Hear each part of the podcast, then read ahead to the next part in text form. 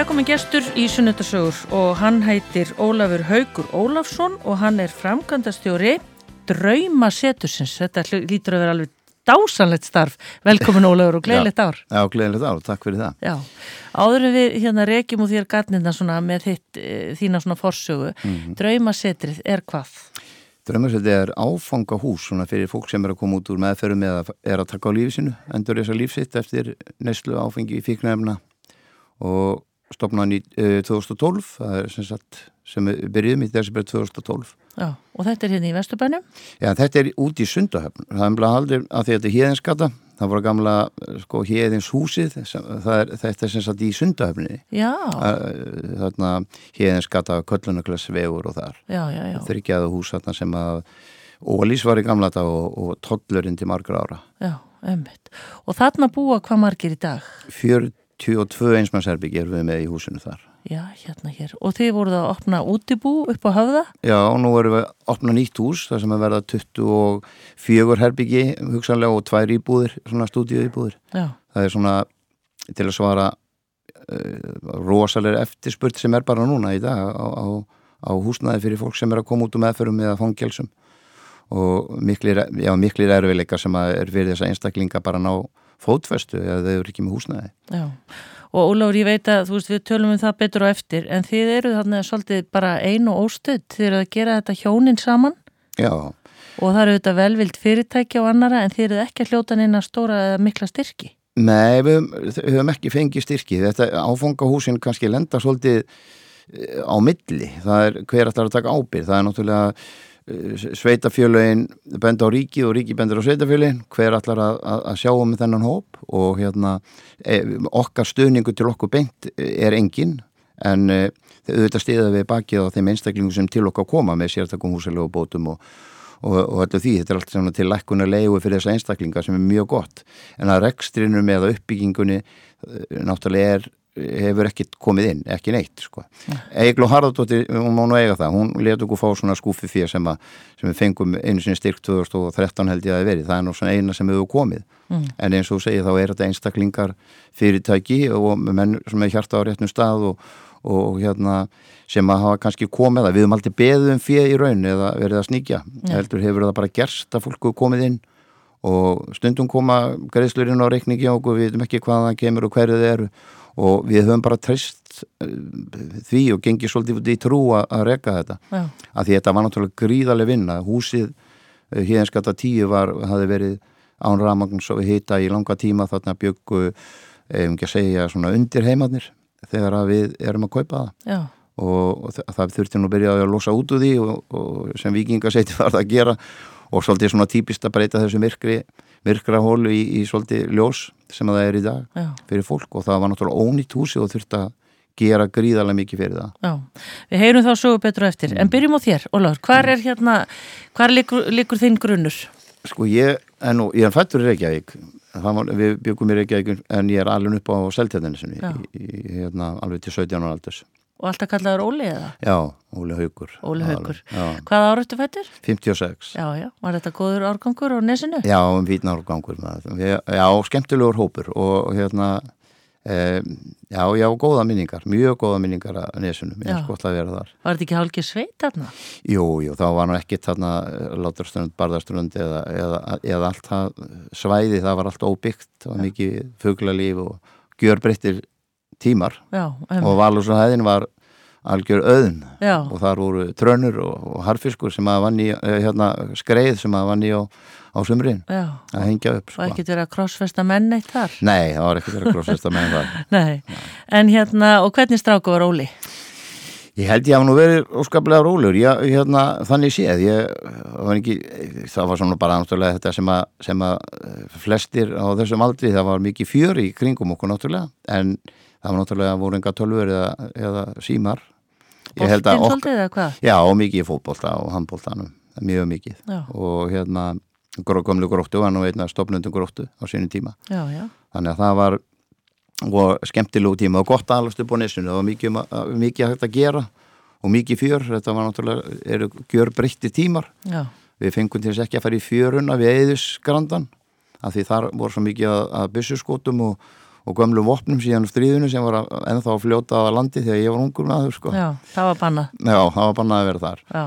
En hvað hérna, ertu í stórum sískinahópi eða hvernig svona fjölskyldan? Ég vorum fimm bræður. Já, Já. og hvað ert þú í rauðinni? Ég er næst yngstur. Næst yngstur. Já. Og þeir eru, Va- Þeir, þrýra þeim er, eru látnir já, já, og uh, Jón Breifur sem að var mikill valsari og, og handbóltamarkur dóur krabmenni og svo Fimboi sem að einnig dóur krabmenni og svo Bjössi sem að var miðlungurinn. Og hann hérna fjall fyrir þessum harfitu að sjúdóm alkoholisma já, já, og, og, og dó semst í áur óneislu á, uh, fyrir mörgum árum síðan. Já, og var svona kannski líka svolítið aðurinn líka fyrir mig það sem að var að gerast ég var nú eitthvað á þessum tíma þegar hann lest sko og þetta bara síndi mér enn á ný hvað þetta er hættulegt. hræðilegu sjútumur sko Já, en fóreldrarnir var þetta svona gott heimili? Já, eða? mjög og þú veist, ég hef aldrei séð að fóröldar mín undir áhrifum áfengis all, all, all okkar tíð. Ég ólst rosa mikið upp á sumrin þegar ég var lítill sko, ég er nú ennþá lítill ef ég ekki segið því ég var yngri að, að, hérna, þá hérna ólst ég upp á Þingvöllum. Já, í miðfestlandinu að því að pappi var að, að byggja upp fyrirtæki sitt, hann var með vestlun, hann er síðast í penna viðgerða maður á Íslandi. Penna viðgerða Já, maður. og það var sér vestlun í Galanda það voru alltaf yfir svona, svona 150-200 pennar í viðgerð á hvernig tíma Já. og þeir voru tveir pappi og fimmboði bróðið minn sem að gerðu við penna Já, var það blekpennar? já, þá voru hann já. engung notaði blekkpennar og, og þetta var, hann var með vestluna síðast í Ingolstæði 2 Það er sem að- sem.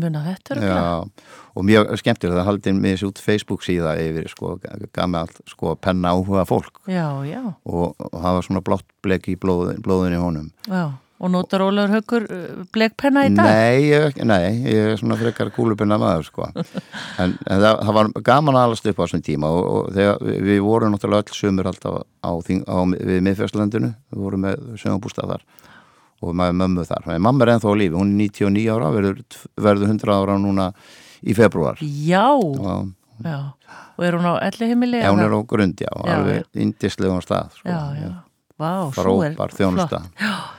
En hvað hérna, erstu skólastráku, duglegur að læra, hvernig var það? Ég, ég held ég nú öðvöld með að læra en ég hugsa að við, við vorum kannski ekki mikið í, í bókunum sko. Nei, það nú innan úr smaður hér hann gokki í vinnu minn sko. Við, við hérna vorum meira fyrir ekkar úti við spiluðum mikið á, á gítar, við vorum með hljónsvelti og, og gokki og hérna og það var frekar verið í, einhverju útstáðum sem heldur hann að læra þó að ég hef alltaf átt öðvöld með að læra og það gekk ágætlega. Já, já.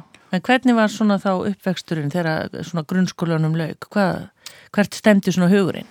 Það var, sko, fyrst, ég held að hérna, Bjössi, heitin bróðið minn, sko, hann var kokkur og ég hafði mikið náhuga á því að, að fara í það og hérna fós 1974 í, í, í Hótel og veitingaskóla Íslands og útskriðið 78 og hef unni meira minna sem kokkur síðan þá, eða svona með eh, kokkur og hótelstjóri var ég á, ég var lengi á Valhöll á Þingvöllum mér þykir afar væntum Valhöll ég, og hérna Þingvallarsvæðið og skil ekki ekkur endurbyggja hann ekki Ég en, skil það náttúrulega ekki heldur en, en ég verða að halda, sko, ég meina, varstu þar þegar Valhull brann? Nei, nei, Nei. þá var ég elendis, Þá það var farin. þvílík sorg sko. Ég, ég get ekki eins og farið að uppi til mér, þetta er svo sárt sko. Ég var eitthi nýju árum þarna Já. á, á Valhöllinni En, en ég bara spyr líka, af hverju er þetta ekki endurbyggt? ég veit ekki ekkur að það hefur aldrei komið til greina. Kastum þessu hérna fram í, hérna, Ég finnst það að gera það svo, af því að þetta er náttúrulega húsið hefur gríðarlega sögu, hér má ekki taka spýta á húsi í Reykjavíka þegar það er einhverja minjar. En þú veist er, þetta er bara rétt upp á aldamótur 1900 sem að fyrsta hluti valallega var byggður og valallin stóð undir fossinum skiluðu, auksarafossin hún var ekki það sem hún var þegar hún brann. Nei, og þeir fóru komponunir, þarna þrýr veitingamennir eh, ég man ekki hvað ár það var 1930 eitthvað sem þeir fóru og settu skýði undir, undir valöllina og dróana miður hlutan sem var ingangurinn eh, á þann stað sem það stóð þegar það brann. Já. og síðan var byggt í þannig að mikil saga á bakveita hús. Já, já, En þegar þú ert þarna, Óli, er þetta þá þegar það er ungturinn hjá Reykjvíkum að fara að fá sér vöflu og rjóma og... Já, og, og hérna Júlíana heitir náttúrulega sem að kona eh, Ragnars sem var náttúrulega ekstra aðilinn ég var með henni þannig frá að baka pönnukukur, hún, eftir hún lést þá var alltaf að tala um að hún var yfir okkur þegar vorum að baka pönnukukur en það gekk svo illa sko. Já, já. hún gætt gert það svo þunnar og fínar. En það var indislegu tími, valin var alveg stórkostlegur tími bara sem að mér þótti óbúslega gaman. Þetta var mikið fjör í kringum þetta valutinu á þessum tíma. Hvernig, hvernig rekstu var þetta? Var, ég finna að þetta var hótel Þetta ekki? var hótel, en fyrst og ennast var þetta náttúrulega veitingastafur, það var bara á venjuleg helgi komið fleiri hundur manns í mata það var bæðið út í grill og þetta var Ómar Halsson sem að, og Rud, konan hans sem að dóttir Ragnars í, sem átti sem satt valhöllina Já. þau rákuði þetta í margar ár og þá til að Jón Ragnarsson, bróðurinn að tók við uh, og rak þetta síðustu árin mm. og síðan var það lekt út uh, þarna alveg í lokinn áður að brann Já, þannig að það voru rúturnar sem komu já, og alveg já. bara já. Og, og fjör segiru var líka fjör á þeim sem störfuðu þarna? Já, það var mikið fjör þarna. Það, og, og það var gaman bara það er eitthvað bestli sem losast af fólki þegar koma á, á valöldina og það gerist ennþá þegar ég kem inn á, inn á þetta svæði þú veist að, að þann svona slögin fara niður um 20-30 þegar maður kemur inn á þetta svæði. Þingvellir eru bara er algjör paradís sko. er algjör paradís uh, og það er óbúslega sorg að sjá og geta fallega hús sko, sem að, að valutin virkilega var og að hún skulle ekki vera endurbið. Því það var, þetta var magnaðu tími. Þarna tókuða móti öllum for, hérna, stjórnmála uh, leðtóum allan heim sem komið þarna elduðum þarna fyrir Djósbús og og spána konung og drottning og það, þú veist, allir gestir sem komið til Íslands fóru þonga Já, áttu einhandra áraðanir? Nei, já, þannig ekki en, en, og Breta prins kom þarna tvívið segi ég var þarna Kalli? Já, já, já, já. ég held að nú eins og fyrir hann, sko, maður og mann sko. já, já, hvað hafður þá? Þá fekk hann, ég fekk, sko ég myndi þetta, sko það sinni hvernig áfengi að fara að fara með mann, sko, að því að ég vaknaði í ykkur húsi daginn og þá var dagblæðið var þá DFF var komin um lúuna og þá stendur stuttvel á Íslandi en frábær hörpuskjel og þá myndi ég eftir því að ég hafði elda fyrir hann deginum áður. Þannig, að, þannig var nú ástandir orði bara þessum árum hvað vínið var búið að taka yfir Já. svakalega mikið. Þá lenda hann hérna og var það að drífa sig í loftið að því að það var hýþróf var lokaður á nætunar á þessum tíma. Þannig að hann var að drífa sig og það var engin fyrir menn kallaðir heldur koma bara og borðaði. Já í blómarsalum á loftliðum og, og við þjónuðum honum og gáðum honum hörpiskilin að borða. Mástu nokkuð hvort að Kamila var með? Nei, hann var, var eitt þarna þegar hann kom. Hann var eitt, já. já. En Óli Haugur, þú segir að þarna hafi verið svona kannski verið farin að taka feilsporin í dansinum með áfengið. Já, held að það hefði verið og ég fór 81 á Vívilstaði til þess að reyna að taka á sig og það gekk nú ekki en, en hérna en það, þetta var að loða við mig alla tíð og hérna Var það þá í gamla daga á þessum tíma svolítið tengt eitthvað kokkar í einu? Svolítið? Já, það var mjög mikið í og þá voru inn í fjóra daga og frí í fjóra þannig að veist, þetta var mikið álag held ég bara og, og ekki hold vinna, 12 tímar á dag í fjóra daga, Nei. svo fyrstu frí í fjóra og það var auðvilt að koma sér ellendis og maður fór úr Hollywood og nýra á Loftlegar hótel og aðtöðu hvaða flug væri næst og svo hoppaði maður bara í rútun og fór út og, og gera hvað? Bara, bara til, ger, til að gera eitthvað. Við köpum bara? Já, já, og þetta var svona auðvildar, þetta var minna, þetta var gamlega loftleðir sko. Já, já. En þetta var svona mikið fjör tími en þó mjög skemmtilegu líka. Já, en ertu þarna Óli Haugur einn eða áttur í fjölskyldu? Já, ég er einn þarna mest um tíman og svo kynist ég hérna barsmóðinni sem ég á fjöguböð með sem að hérna í gegnum árin. Ég, við áttum tvö börn og skildum í fimm ár og tókum saman aftur og hérna augnist annu tvö. Já, já. og hérna og það, það vænt alveg þá komin fullt af barnabönnum og... já, já, það komið fimm stykki að því. Já, og síðan hérna á þessum tíma þá e, var ég rosa mikið fór, ég var á Söðakróki í, í, í 84 fór ég flutti ég þangað að gera hvað? þá var ekki veitingahús þar á króknum. Já, já Eitthvað sem er enn við líði eða? Nei, ég held að það heiti Ólafshús núna held ég. Já, Það var ekki eftir mér en, en hérna, var þarna við aðalgutuna á Söðukröki það var mjög gaman að vera þar. Og fluttur þá með fjölskylduna? Já, 84 en svo var bara áfengi var að taka yfir og rosa mikið á þessum tíma og ég fór í meðferð 85 á staðafell og það gekk svo bara alveg í, í þessi, í tíu ár alveg stöðulega. Já, var þá í rauninni vogur ekki komin eða hvernig var þessi meðferðum hátta? Já, já, vogur var komin þá. Já, ég byrja á vogur. Að þú segði Vívilstæði fyrst og svo? Já, það Vívilstæði var 81 sko, 85 er vogur komin og, og, og hérna, ég fór þar inn. Mm. Og þar náður að setja tappan í fjölskunni? Já, og, og gekk var rosalega vel bara og hérna í alveg stöðulega í tíu ár þegar ég fekk mér aftur en stoppaði en síðan fjallit algjörlega þegar ég fór til Svíþjóðar. Já, en þessi tíu ár þú ert edru með fjölskyldunni, ertu þá á söðakrúki eða hvað er það þá? Ég var á króknum í byrjun og síðan flutti ég til Reykjavíkur. Já, og hvað fóruð það að gera þá? Ég fór að starfa sem kokkur og ég starfaði mikið með Bjarnavinni mínum, Snæðing sem að rak BSI í mörg ár Já. og vann með honum Já. og hvernig náður þú þá að halda þér af því þú tengir þetta svo kannski vaktafríin og svona, varstu sáttur fundi eða hvernig? Já, já, ekki ræða fundi og, og þetta var bara þú veist, þetta er náttúrulega líka bara hugafarsbreytingin að veist, er, mað, það eru hættur og það eru út um allt þar, þetta er bara hugafarið, hvað vil ég sko mm. og ég held að sé bara, veist, ávextinnar af lífinu, þeir, þeir, þeir, það er þeir sem halda þeir í lægi af því að hérna ég var heppin að vera kannski með áfengi sem aðal efni, það er komin alls konar efni í dag sem að uh, ungi krakkar bara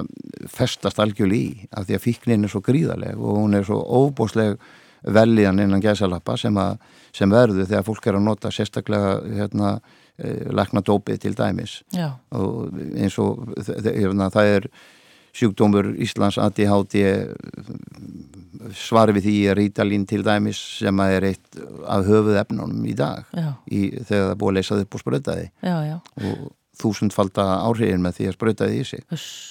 En þessi ár þarna sem þú ert edru og allt gengur vel eh, var, var Óli Haugur Hammingisamur maður á þessu tíma? Já, já, ég var, var það alveg og hérna, mér varst gamlega ég, ég, ég held að að tíminn sem að ég átti að á milli þess vegna held ég að við tölum um tólspor að samtakan og tóltasporið er að, að finna þann árangu sem að náði geti verið hjálp fyrir aðra og það kom rosa fljótt fram í mér mm, Leitaði fólk til þín? Ja. Já, bæði það og, og hérna ég, mér fannst bara gaman að geta deilt í áfram og ég held að það sé óbúslega mikilvægt og ég held að það sé svona kannski hjarta sem að eins og týns með við ræðum oft um þess að reyði og, og, og hérna og hatast út í fólk ég, ég hef aldrei skilið það og hef aldrei getað það að ég sé ekki tilgangin Nei. það er kannski ekki allir sammálu með það en, en veist En hefur sam... þú ekki verið hataður?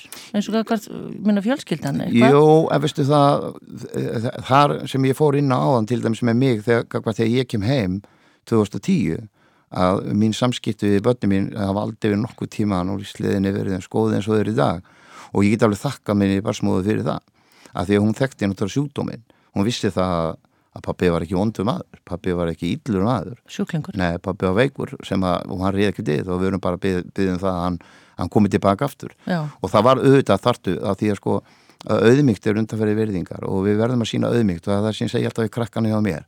Það er svo mikilvægt að þú veist að sína auðmygt, ekki vera, ekki vera auðmyggja sig, heldur vera, sína, vera auðmjúkur og viðkjöna brestina sína og það sem maður hefur gert. Já að við erum svolítið mikið þannig alkoholistinir að við förum meðferð og verðum meðtrú í ykkur viku tíu dag og það er alveg svo fimm ár og við viljum bara fá allt strax sko. ég vil fá börni mín, ég vil fá þetta tilbaka, ég vil samskiptin í lag og það er bara þetta er virkar ekki svona Nei. og við verðum að við verðum að þessi aðlugun sem verður að vera að, að við séum komin í lag þarf að vera í lagi Já. og Mikið, það er svona staðstífi og mikið þátturinn trú ég. Já, uh, ég ætla að stoppa þið þarna sem ég langar að vita, hvað, hvers vegna ákveður að fara til Svíþjóðar? Ég ákveða að fara í skóla og, og hérna... Hvað ætlaði nú að fara að læra? Ég ætlaði í biblíuskóla af öllum skólum og hérna ég, ég hafði farið með unga krakka í hóp til Litávan, ég fór tvívist til Litávan á þessum tíma, ég fór bara rétt eftir að rúsatni fór út og sá eðilegginguna sem var þar. Já. Var það einhvað í tengslu við það að vera hvað? Nei, það var svona meira kirkju þegar ég var í kirkjunni og, og hérna fóð með unglingahópið þangað, ég var, svona, var með unglingahóp hérna í kirkjunni sem ég var í Já. og þess nákvæði fara og við, í bakaleginu komum við hérna í Svíþjóð og, og, og hérna mér fannst það spennandi uh, sem við upplöðum þar, það var svona ráðstefnu sem við fórum á og ákvaða að fara til Svíþjóð 99 til að fara í hennu skóla Já. og, og fekk engöngu í hann og allt og, og það er þá sem að þessi tími kemur að ég þarf að fljúa hann á milli í tvívegis eða þrívegis ég man í hvort það var að ég fæ mér, já og það er bara þá ertu búin að tryggjara í þér hluti sem að eru algjörlega stjórnlausir og verða. Þetta byrjar rosa vel, þú heldur að þú sést koma með þetta þetta sé í lægi en það er, það er bara ofti annað eftir að koma í ljós. Já. En ertu þarna í skólanum eða mætur ekki til skólan, byrja bara strax að rinja Nei, ég fór, kom út og mér var bóðið að koma í skólan þó að það væri búin að, sko, þrjár viku mánuður á hann og mér bóðið að koma. Að þeir, þeir voru fullvisar ég ætti að fara. En ég gerði það ekki og, og hérna uh, konan fyrirhandi hún var í skólanum og ég vannaði þess að í kirkinu svo var ég svona að hjálpa til bara hér og þar.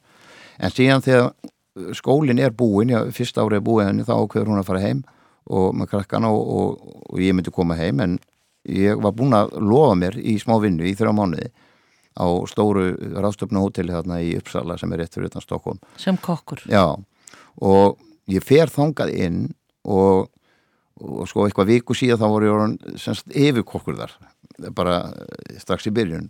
Og ég held að við, við gátum svo sem komið með bara kannski meira með svona verk vit sko, það inn og það var mjög gaman og skemmtilegu tími. En víni var alltaf í liðan á mér alla daga og ég ákvað að taka þessu þrjá mánuði og síðan bara þróast hlutni bara þannig að þú ferð frá þessari hugmynd að fara heim alltaf meir og meir að því það er annað að fara að stjórna lífin og það er áfengið og, og aðgengi í það mm. og frelsið að vera einn og algjörlega óábyrgur gaf hvert neinum En börnin? Og, það, og það, það er eitthvað sem ítir bara, þú ítir þetta hliðar og auðvitað kemur fer sorgin að koma upp og segja hvað er ég að gera, hvað er ég að gera, ég verður að taka á svo morgum og það er kannski þetta sem alkoholistin notar ósað mikið á morgum ætla ég að gera þetta. Ég ætla að hætta að draka á morgum, ég, á morgum ger ég þetta. Mm. og svo líða bara vikurnar, mánuðinir, árin. Og þú ferð inn í eitthvað sók sem að heldur þið bara algjörlega þannig að þessi hugsunum heim hún lokast alltaf meira og meira. Já. En varstu þá í engum sambandi við? Jú, jú, og þau komið tíminn einstakar sinn og þó að ég trúi því að, að mín fyrirvændi hafi kannski verið líka hrætt við að að senda þau út sko. En þau voru náttúrulega voru kon sem og aldur sem að, þannig að það var allt í góðu lægi að koma. En ég hugsa að það hafi ekkit verið neitt mjög gaman fyrir þau held ég að vera þó að þó ég hef ekki verið e, e, sko dauða drukkin, ég var ekki þessi maður sem að lappaði um dauða drukkin, það var bara ekki þannig. Þú varst bara í daglegri neslu? Já, ég var bara í daglegri neslu og það var bara klukkan 6 á mótana þegar ég vaknaði fyrir morguverðin sem að á, á hótelinu þarna síðustu árin.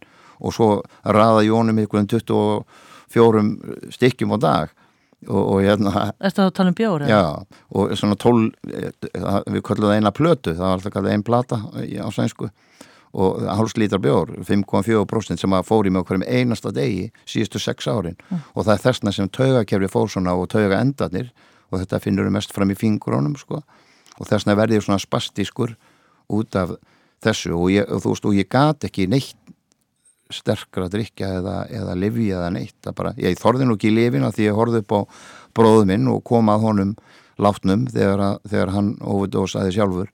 Og ég alltaf hálf hrættu við það. En ég gati ekki, ég reyndi að, að vera, drekka stert vín. Tvíveist þurfti ég að gera það því ég átti ekkit annað. Og endaði bæðiskiptin í hjartastoppi sko, upp á spítalunum í Uppsala. Mm, þannig að það er í reyni ólegur mjög magnað hvað þú hegst þó lengi á þessu í þessari neslu. Já og ég vildi orska þess að ég hefði glúðrað eitthvað. Já. En það, en, miður. En, en hvers svona helstu vinnunni? Ég hef rakað fyrirtækinn sjálfur og hérna í Uppsala þó ég var í orðin svona ítla haldinn sko. ég var með Vestlunin í miðborg Uppsala og ég var með ráðstöfnusal og hátæðisverðarstaðin í Og varstu bara kallinn?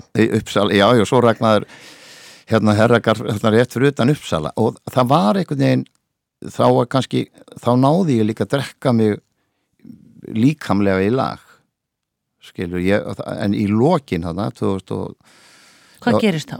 Þá bara eh, get ég ekki sko drukkið mig frá uh, líkamlega engjónunum lengur.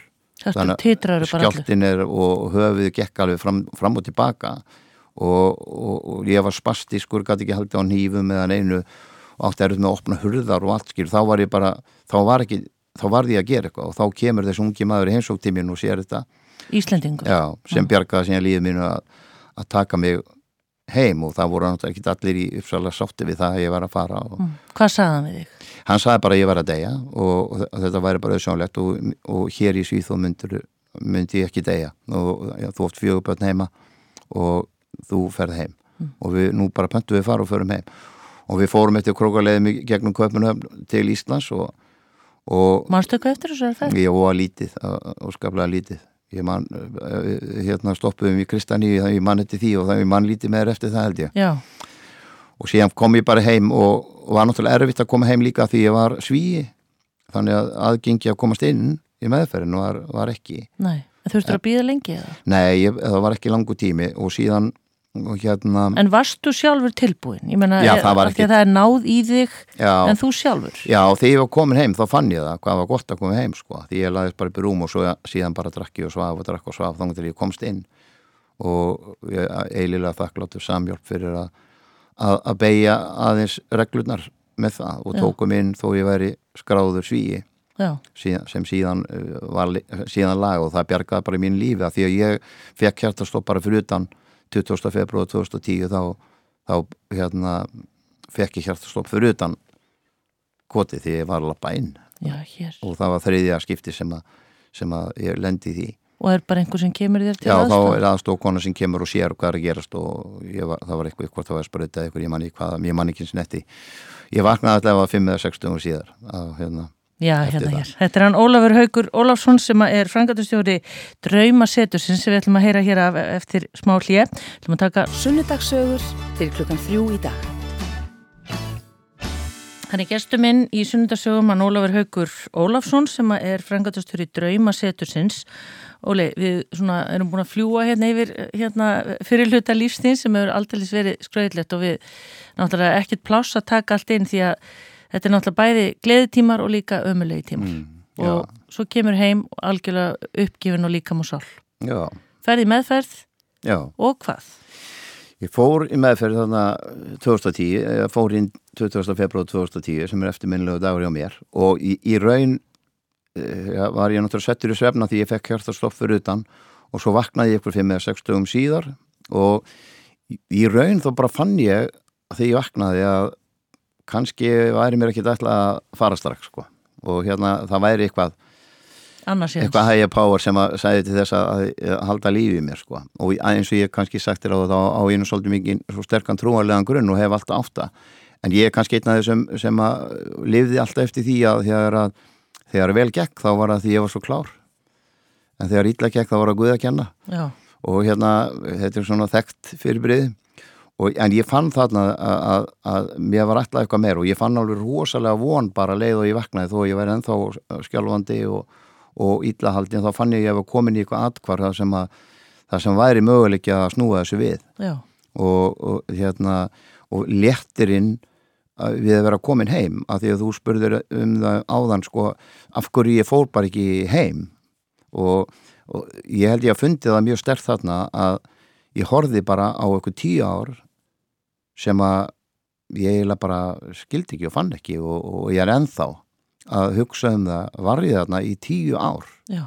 skilur það, þetta er, þetta er Alltaf að fresta í gerðamorgun, Já, já. gerðamorgun. og en bara þessi tími var sko, bara fór saman í eitt, eitt, eitt allsherjar klúður og hérna þessi ár eru í raun svolítið tínd bara fyrir mér Já, og mér finnst það líka sárt sko og, og oft hugsaði um það hvað er leiðilegt að, að þessi tíma er farið að því að ég sá alveg hvað ég, hvað ég fengi tækifæri til þess að gera síðan ég kom heim þessi tíu ár sem eru liðið núna í næsta mánuði að hvaða er mikið sem að við getum gert bara með því að, að vera til staði fyrir fólk og, og ég hugsa ofta um þessi tíu ár. Þó svo að það hef alltaf verið í mér. Ég man þegar ég var út í Svíþóð ég fer aðeins samkvæð aftur að þegar í minni tíma á föstudögum alltaf þá var ég með svona hlaðborði í skemmti á hérna veitingastæðinu hjá mér lokaði klukkan tvö pakkaði saman allir mat í svona í boks, fyrstu voru þrjú boks og það endaði í 30 og eh, þá fór ég nýra á lestastöðina í Uppsala þar sem að útingarsmenninu voru. Og þegar ég kom orðið sko í setni hlutanum þegar ég var hann úti þegar ég kom að þá sátu þeir í ring á túninu við brautastöðina 30 manns. Og byggði eftir að hérna, The Crazy Icelandir kæmi Íslendingurinn kæmi með matinn. Og þá leti ég kera mig niður til með 30 mata og fullt af bjór og, og, svo gafði þeim að borða og svo saði þeim bara að það væri til betri fréttir sko, það væri leið út úr þessu já, með áfengi. Og svo satt ég bara og predikaði þeim alveg og kannski vestfarin sjálfur. Þannig að það hefur alltaf verið í mér og, og, og að, að, að sjá kannski eh, að fólk sem er búið að gefast upp að það er leið tilbaka og ég vissi að það var leið tilbaka. Og, en ég var ekki að pæli sjálfum mig hvort að ég leið tilbaka. Ég sá þetta ekki sjálfur hvað er svo ítla ég var haldinn að því þegar félagslegi þátturinn er í sæmilega góðu horfi eins og að vera að reka fyrirtæki, vera með innkomu og allt það og vera kannski að sjá um hluti þar sem að eins og með herragarðin sem var hann fyrir utan það sem hefur voru góð feedback frá gestum og, og góðu matur og þjónusta og snirtilegt og allt það að þá ertu með svona þennan félagslega pakka svona sæmilega góðu standi Já. sem verður til þess að þú endist miklu fyrr, eh, endist miklu lengur í þessu ég held óskast að ég hef bara gert eitthvað Já, já, skilu þá hef ég bara, já. En hvernig komstu fjáraslega út úr þessu öllu? Varstu í góðu málum peningalega? ég menn það var nei það var allt í lægið og ég hafði ágætis íbúðan úti, ég átti hann að vísa ekki en hérna, það er nú kannski ekki mjög dýrt að drekka í síðu en, en hérna, ég, ég, var, ég var ekki að safna um auði, Nei, nei. það var ekki þannig en, en ég kom til Íslands og ég var þakkláttu því ég kom heim að skulda ekki neinu neitt sko þannig séð sem Nei, að. Og en auðvitað kemur alltaf upp síðan maður var í gamla dag og maður verður bara að taka á því og þú veist og, og ég hef gert það og það er þægilegt Á það voru auðni. barsmeðlög, já, barsmeðlög og alls konar hlutir og, og við skuldi ekki krónu þar lengur en þú veist bara þegar maður kemur fram og tekur á þessum hlutum og það er það sem maður þarf að gera Já. Hvernig eru svo dagarnir eftir að þú ert búin að sjá ljósið?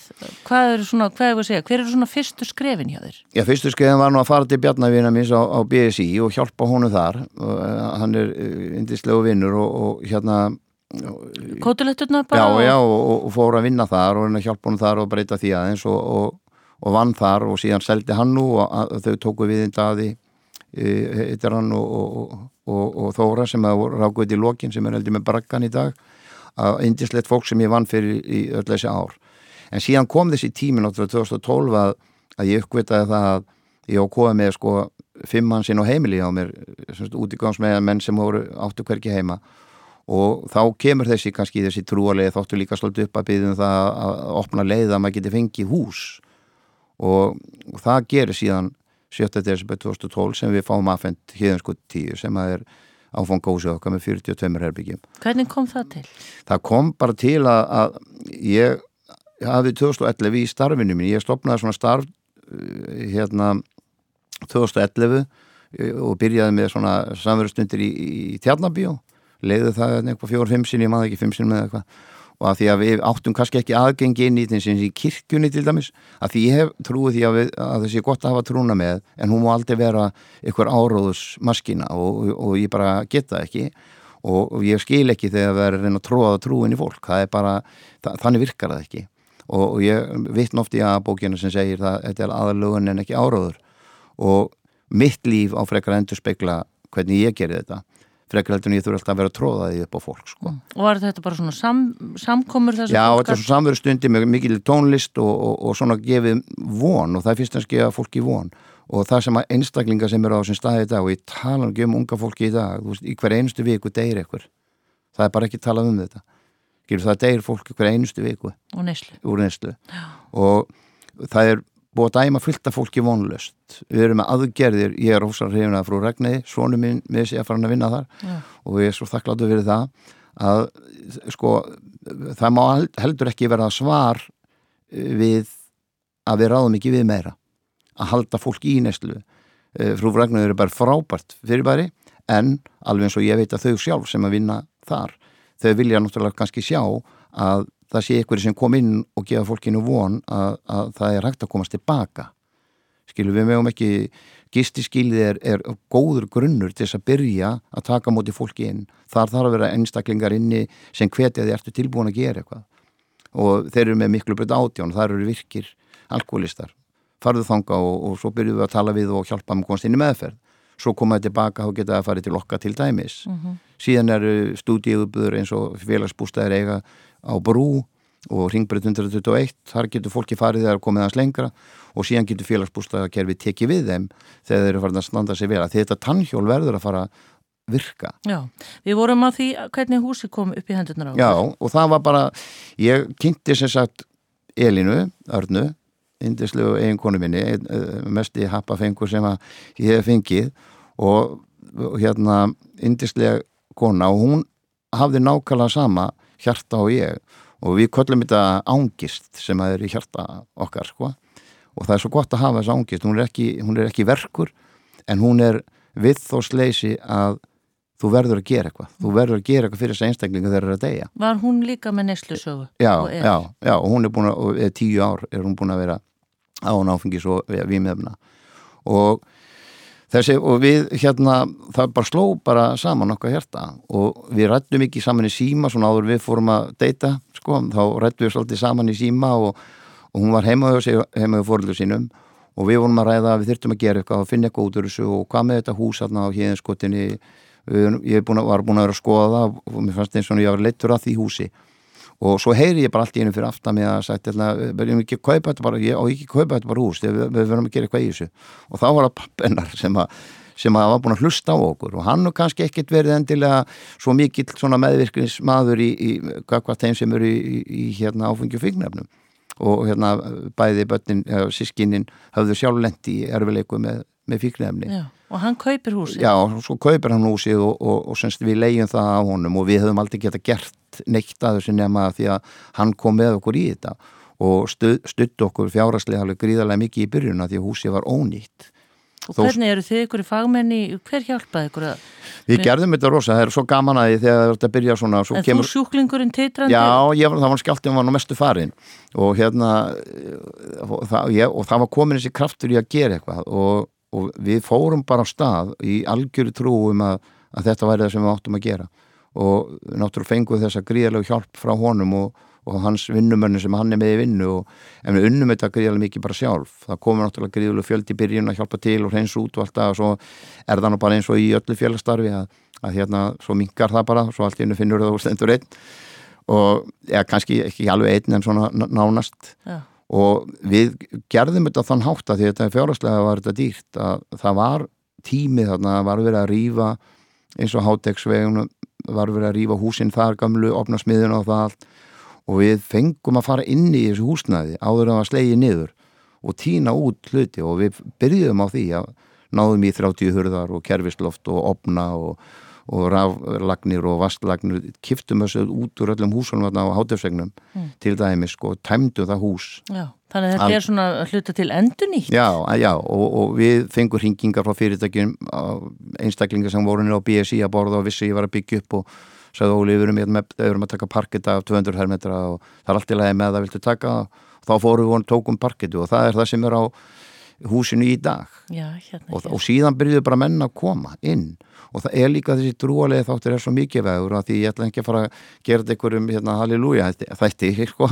en fyrir mér er það svo mikið að ég viti að, að ég sé ekki einn í því og við Elin værum einn í þessu að því að þetta var gríðarlega vinna í byrjun alveg ofbóslega og við bara notum bara rosa mikið að leita Guðs með hvað, hvað er það sem við þurfum og fá bara svöruð í og þú veist þannig hefur fólk komið inn ég man einu sinni, ég, það er svona trappa sem er miðtrappan þegar maður kemur á húsinu þar stóð ég 7. desember 2012 tók fyrir andlit og sagði hvað ertu búin að gera veist, en eitt rugglið komið í ástæða sko. Já, nema það er ekki vín hann Já, Já. og þá finnst mér þess að sagt um þetta er alltaf leið, þú ert ekki búin að gera neitt, ég ætla að gera það, verður bara til staðar Já, já og þessi staðu var svolítið svona heilagu fyrir mér sko, var svona svolítið pöntunarstaður minn Já. þegar ég pantaði það sem vantaði Já.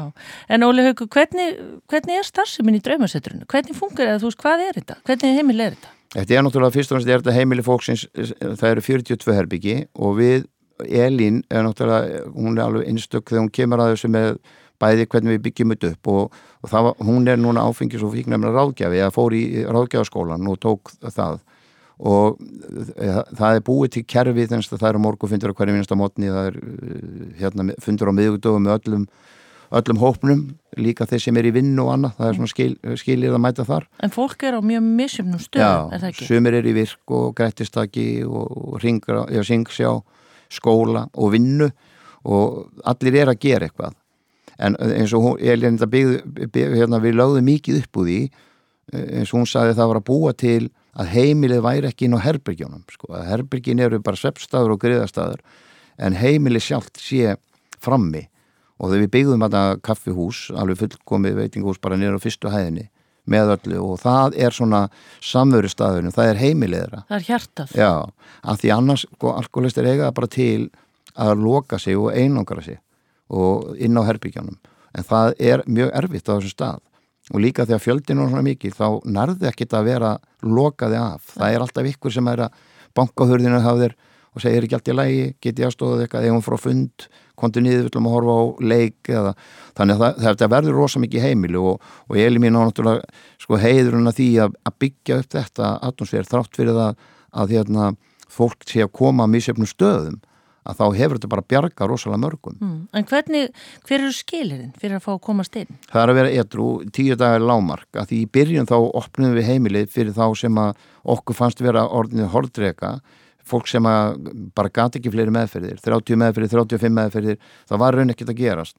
Líka þeir sem að voru vonlausir, eins og fólk kallaði þá, uh, margir útingansmönnum sem komið til mín á BSI fyrsta hvers mánu til að fá sér kótilettur og raunvísglas skilur útingansmaðurinn að því að hann átti pening, nýkonni peninga frá fjöló að þetta fólk sko það er að læra að taka utan um það og hjálpa þau og segja, vilt ekki bara reyna að koma til mín? Að þú nær tíu dögum og getur komið til mín.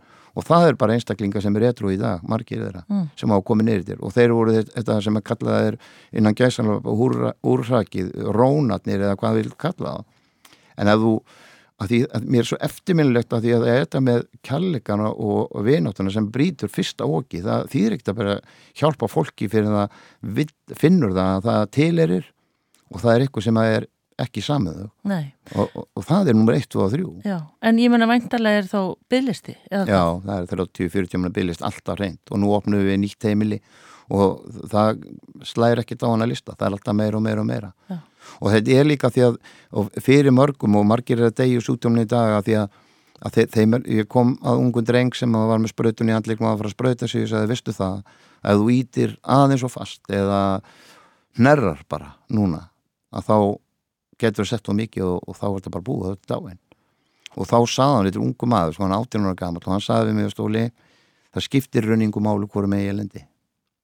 Hvort ég lifi skotið af eða deg mm. og það, þannig sérðu tilgangin að er, það er allt farið að þeim finnst ef ekki tilera og vera tilera bara lífinu og samfélaginu en, en hvernig ganga þá, ég menna hver, hversu lengi má fólk vera? Ég það getur verið alveg sko í tvö ár, við erum með einstaklingi sem er búin að vera okkur sex ár og hann fyrir okkur ekkert frá okkur fyrir hann hann hveður þess að jarfist að því að það er bara mjög gott og, og við tökum á þessu svolítið svona einstaklingsbundið hérna, hversu lengi fólk á að vera. Við hvetjum fólk til þess að fara áfram.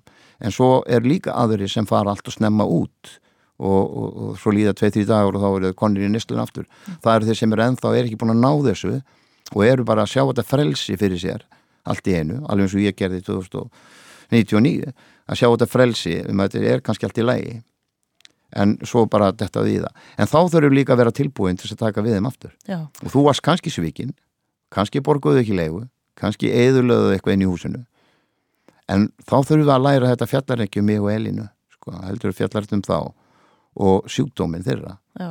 og við verðum að geta að tekja móti fólkin aftur og umfaðum að aftur og hjálpa því að fætur að nýja því það er nummer 1, 2 og 3 að því við erum kannski síðasta hamstráðu sem þetta fólk hefur uh mhm. -huh. og það er að, að taka við þeim aftur á þess að vera reyður eða betur að því þá eigum við bara að hætta þessu Veist, ef, ef við ráðum ekki við það. Nei. En Óli, hvernig gengur, nú veit ég að margir sem er að hlusta að hugsa býtu, og hvernig gengur þetta fyrir sig? Þannig eru konur, kallar, ungir, gamlir. Þú veist, blandast þetta allt saman? Hvernig gengur það? Það gengur alveg ótrúlega vel, við áttum alls ekki vona því og áttum erleikum að það er kannski einhver svona samdraftur að fólk verða að draga sér saman og, en það, við höfum bara verið óbúslega bara heppin með það, en það hefur gerst og hérna í, með fullu eh, samvinnu með okkur þegar fólk hefur eh, hérna Orðið ástfangið? Já, það? bara ástfangið og, og, og fundið að, að hérna, þau ætlu vilja flytja eh, finna sér eitthvað og við hefum nokkuð þannig og, og hérna voru eignast alveg indislega tvýpura einn hjón og gengur vel hjá þeim báðum og, og er réttrú og þú veist að við, við þurfum að það alltaf að skoða því að, að, að það, það má ekki hleypa að, að, það, að fólk megi verið með gæsti inn á húsinu, það þýðir ekki að tala um það. Það er bara, er, er ekki dæmin mm. en það er að setjast niður og funda með fólki og sjá hvernig, hvað er það að gera hvort það setja færaðið inn í stærra herbyggi þar sem þau geta verið að verið saman ef það er leiðin sem að þau vilja fara. Já, já. en þú þarf alltaf að skoða árangurinn og hvað er þetta fólk búið að gera. Er það búið að gera það sem þarf að gera til þess að geta stað undir þessar ábyrð já, að vera komin í, í, í sambúð og kannski börn á leðinni svo gerist hjá þeim sem var indislegt og þau eru ekki þau einu. Nei. og það við höfum hortið á fólk sem að ég horfið upp á einstaklinga og það er launin okkar því að við höfum alltaf tekið inn einn laun. Við byrjuðum að borga laun í fyrsta skipti 2018 og við höfum unnið þetta launalöst í hérna, öll þessi ár. Í sex ár tóku við ekki, eh, ekki einu, einustu laun. Mm. og, og við þurftum að vinna auka vinnu og hérna ég þakkláttu daða og þórið til dæmis á BSI sem að ég fekk að vera og vera, fekk að vera bara þó nokkuð laus mm. og Elinu er unni á nætuvöktum sko, fyrir, með falla og tekið launin á því þannig höfum við getað lifað en, og á sama tíma þá er það náttúrulega galið en á sama tíma þegar þú ræður bara ekki við það, þú verður Þetta er kallin. Já, þú, þú bara verður að gera eitthvað í þessu. Já. Og það er okkar þrá að reyna að koma því inn í fólk að sjá, þú veist, hérna, möguleikana en ekki dæma fólki alltaf vonlust. Því það er versta sem við gerum við að segja hann er vonlust eða hún er vonlust. Þetta er bara rámt. Já. Það er allir menn eiga von. Já. Allir hver einasti maður. Það er bara spurning hvernig við komum að þeim. Við þurfum að hjálpa fyrst og fremst þeirra um það og elska þau og, og þú veist, þetta er líka með útígangsmannin ég man einu sinni þannig að fyrsta hvers mánu eins og ég sagði okkur komaði niður yttir og BSI og fengur svo kótilettur og rauðin og svo sé ég að stúlkan sem er að vinna hjá mér að hún fer í gúmihanska og lappar að borðinu og mér segi hvað, hvað fórst í hanska? Þá segir þetta er ógeðslegt. Þeir eru svo ógeðslegur og skýtuður og viðbjörslegur og ég sagði, veistu það farðu nú aftur á borðinu horðu nú í augun á einu þeirra bara og segðu mér svo hvað sér þú kemur tilbaka að því að svo kemur hún tilbaka og segir og þetta var svo skrítið og segir hvað var skrítið? Eða því ég horfið augun á hann ég sagði já, veistu það á bakvið bara óbúsli sorg vendingur og vonir sem er orðnar engu. Þú veist, algjört vonleysi með lífið. En á bakvið þetta er sko hjarta, hold og blóði sem slæðir alveg eins og þitt. Mm -hmm. og daginn eftir þá komum við aftur að borða og þegar þið komum þá lappa hann aðeim og faðmaði það alla. Og þetta segir það þar svo lítið við þurfum bara að opna auga fólks fyrir því að þetta eru manneskjur alveg eins og við. Já. og þetta er fólk sem á fulla von til þess að ná bata og það hefur svo sannlega fengið að horfa upp á drömmarstutinu. En hvað hérna borgar fólk leigu sem að það fær væntalega einhverja bætur eða það er í góðum málum eða hvað? Já, það er borgar leigu og... Uh, en matur, hver borgar? Það kemur, við fáum rosa mikið gefins, við höfum átt alveg inn til þess aðstarfið samhjálp sem er svona, sem við kallum svona centrallager fyrir vöru sem er, sem er gefið og við höfum fengið að taka fá frá þeim við höfum líka fengið gefins 600 kíló ísu, fristur ísu sko frá okkur fyrirtæki og grammetis fyrirtækin uh, Millan öfur okkur alveg indislega góði gegn öll þessi ár með nýtt bröð okkar í meinustu viku þannig að það er fullt af svona uh, möguleikum að hérna notfara sér notfara sér fullt af mat sem kemur inn. Já, og íbúar elda bara sjálf. Já, þau elda, það er eld og svo hverja hæð. En er ég að elda fyrir mig eða elda ég fyrir allir í einu? Þeir eru óa dögulega að gera þetta saman. Það er góð, þegar það er góður og ég er yfirleitt alltaf, það er alltaf góður andi í húsinu og, og hérna og þau gera mikið saman og hérna indislegt að sjá jól og áramóta sem allir er að borða saman. Já, segð okkur hans frá því. Hvernig var aðfókutaskvöld til dæmis? Já, þá bara, þá er, þeir sem komast ekki til fjölskyldu eitthvað luta vegna, þeir eru niður frá svo er einstaklingar sem hafa verið hjá okkur sem búa einir, hafa komið við hefum líka tekið á múti fólki sem er eitt bara og, og, hefur komið að borða með okkur þar sem er dúkað borð og allir fá pakka og, og hérna það er mikið eftir að, að sína þeim það líka þú veist að gefa öllum pakka og með einhverjum hlutum bara að finna sig, vera með. Og svo borða kannski tví að þrýrjata matur og hafa stolti gaman. Og það, og það er gaman að sjá að fólk getur séð inn á síðunni sko inn á draumarsittu síðunni, það er fullt af myndum frá þessum hóp sko. Þar sem að þeir eru að, að hérna, gleiðja saman. Og það er ofbúslega gaman að því að sjá það þegar þau koma saman. Og ég held að okkar laun, eins og ég talaði með launin þó við erum aldrei fengið inn laun og við erum ekkert að kvarti við því, það er algjör okkar val. En ég segi oft, þú veist, launin mín koma þegar ég kem niður yttir og þú mætir ykkur manni sem kemur og tekur yttir og, og, og, hérna, og þakka fyrir lífið og lífsbjörgina mm. Skilur, en, en þessi aðili kannski var svo fælin að hann gæti ekki, þú gæti ekki í tekið hendur á hann þegar hann kom. Nei, en Óli þegar þú leggst á kottan og konaðinn og þið og, ég meina, ert ekki vinnun allan sólaringi? Hvernig nærðu það einhvern veginn að taka þig og ykkur frá þessu stundum? Jú, þetta þarf að gera það og, og hérna, þetta var orðið gríðalegt álag og, og hérna, Eli mín hérna er, er svo ósal ábyrgi og það er svo gaman að sjá það, en það tekur ósal mikið á og svo hérna er hægt alltaf að endur í vegnum sko. þú getur lent, maður verður að passa sig maður verður að læra að skilja þetta frá þínu personlega lífi og það getur verið erfitt fyrir mjög marga en síðan hérna var, komið sér Guðs lukka fyrir einu hálf ári síðan að hérna, við eignum lítla sterpu sem er algjört kraftaverkabann mm. þó ég sem komin aðeins á aldur þá er þetta eitt af skemmtilega sem ég hef gert mm. og hún er þarna innan um alla já, hún, þar við búum sjálf annar stað sko en við byggum fyrstu fjögur árin á draumasettin já, já, já. við vorum með litla íbúð þar bara sem við byggum já. og þetta var bara okkar líf frá 24 En núna náið að kúpla ykkur Já, aðeins frá. nú náðu að kúpla En er þá einhver sem er umsjónamaður í húsinu eða látið bara þetta? Já, það er gammal seltýningur sem að skipstjóri sem að hérna varða hætta á sjó út af eh, bakinu og það getur verið mjög erfitt fyrir sjómann að hætta á sjó Já. og hann hérna álpaðist allan niður til okkar og hann starfa með okkur í dag og fullu og Svona umsjónamaður og að hlutni sé í lagi Já. og gaman að því að, að hérna, kynast tónu líka Mm. svona mörgum ára síðar við, við vorum aldrei upp á nesinu En gaman. Já, En Óli, nú veit ég sko sumir sem hlusta hugsa að hún fekk hún hann í viðtal, hann hefur beðið hann um að taka viðtal við sig af því það er enginn að styrkja þau og styðja af því mér, ég hafði persónlega aldrei heyrt um hérna draumasetrið. Nei.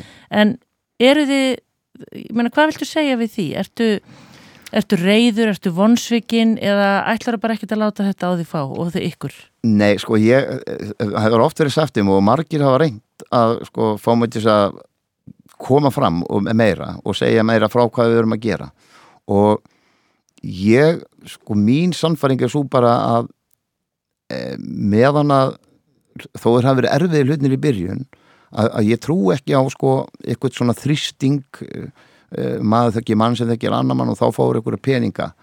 Skilur það, að að ef þetta fjallaði bara um það að þá eh, væri ég ekki því það, þetta fjallar bara ekki um það. Við höfum aldrei lendi í vanskilum með meitt við skuldum ekki neinum neitt og höfum aldrei gert. En við höfum líka aldrei tekinn einn laun og ég er ekki reyður, ég er ekki bitur og leiður við því, þetta var mitt val.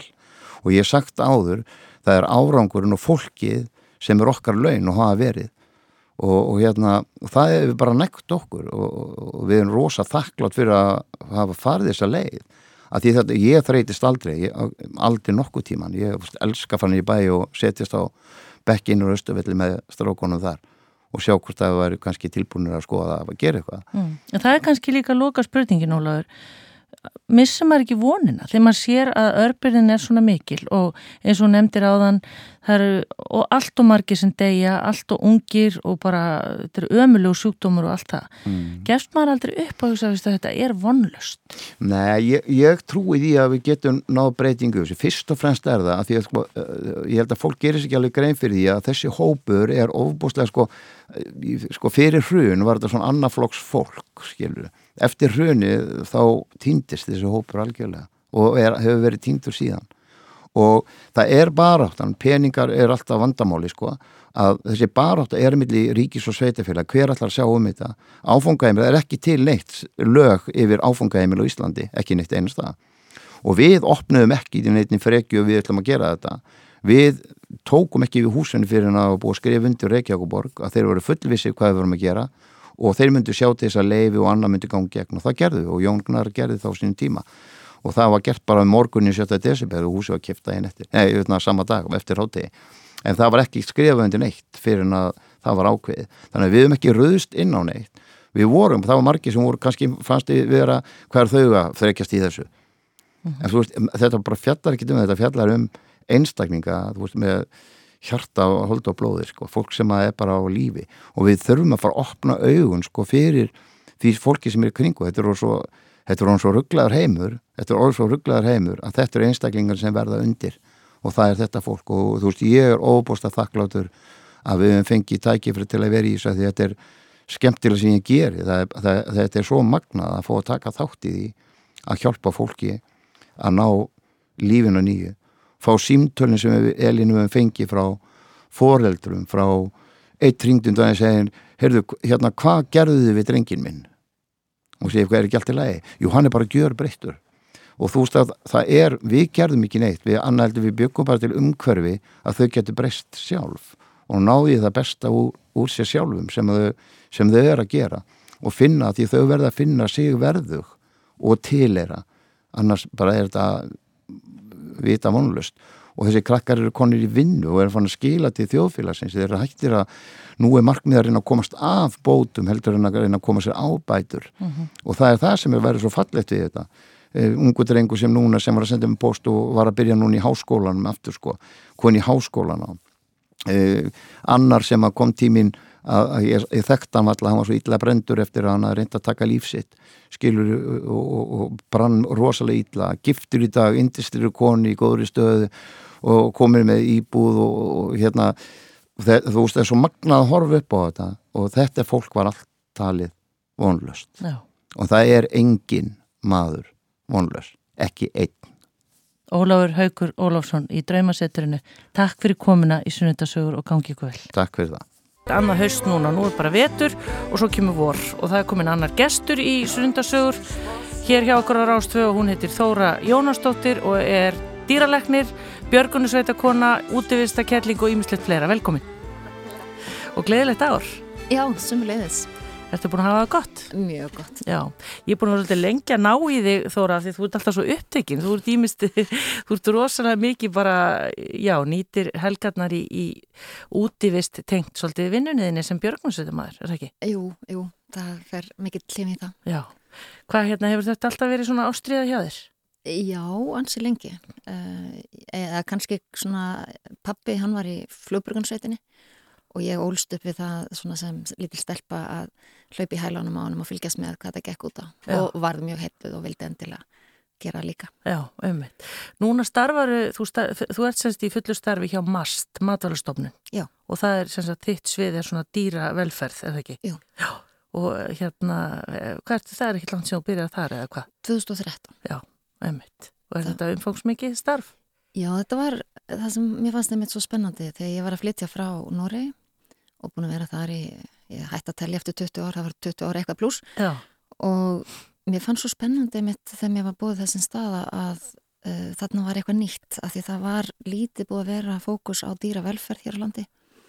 Og þarna hafði ég möguleika á að taka þátt í að móta þetta starf. Já. Og það var ég spennandi. Já, eru bara svona spurt út í bláin sko en eru strangar, eru strangar reglur varðandi dýra velferð á Íslandi? Eða hver eru við í því? Já, það hefur sem betur fyrir uh, gleðilega verið að breytast og áhersluðnar hafa verið að aukast mjög og ekki síst meðvutund fólks uh, um einmitt dýra velferð að, að svona veik, veita því meiri aðtegli og, og hérna spá meiri í þetta og þá komu ný lög 2014 sem að svona kollvorpuðu tölvert uh, stefnunni og í kjölfarið komu nýja reglugerðir sem að já, eru freka framalega, við erum, teljum okkur svona framalega á, í vestrænu löndum hvað varðar dýravelferð Já.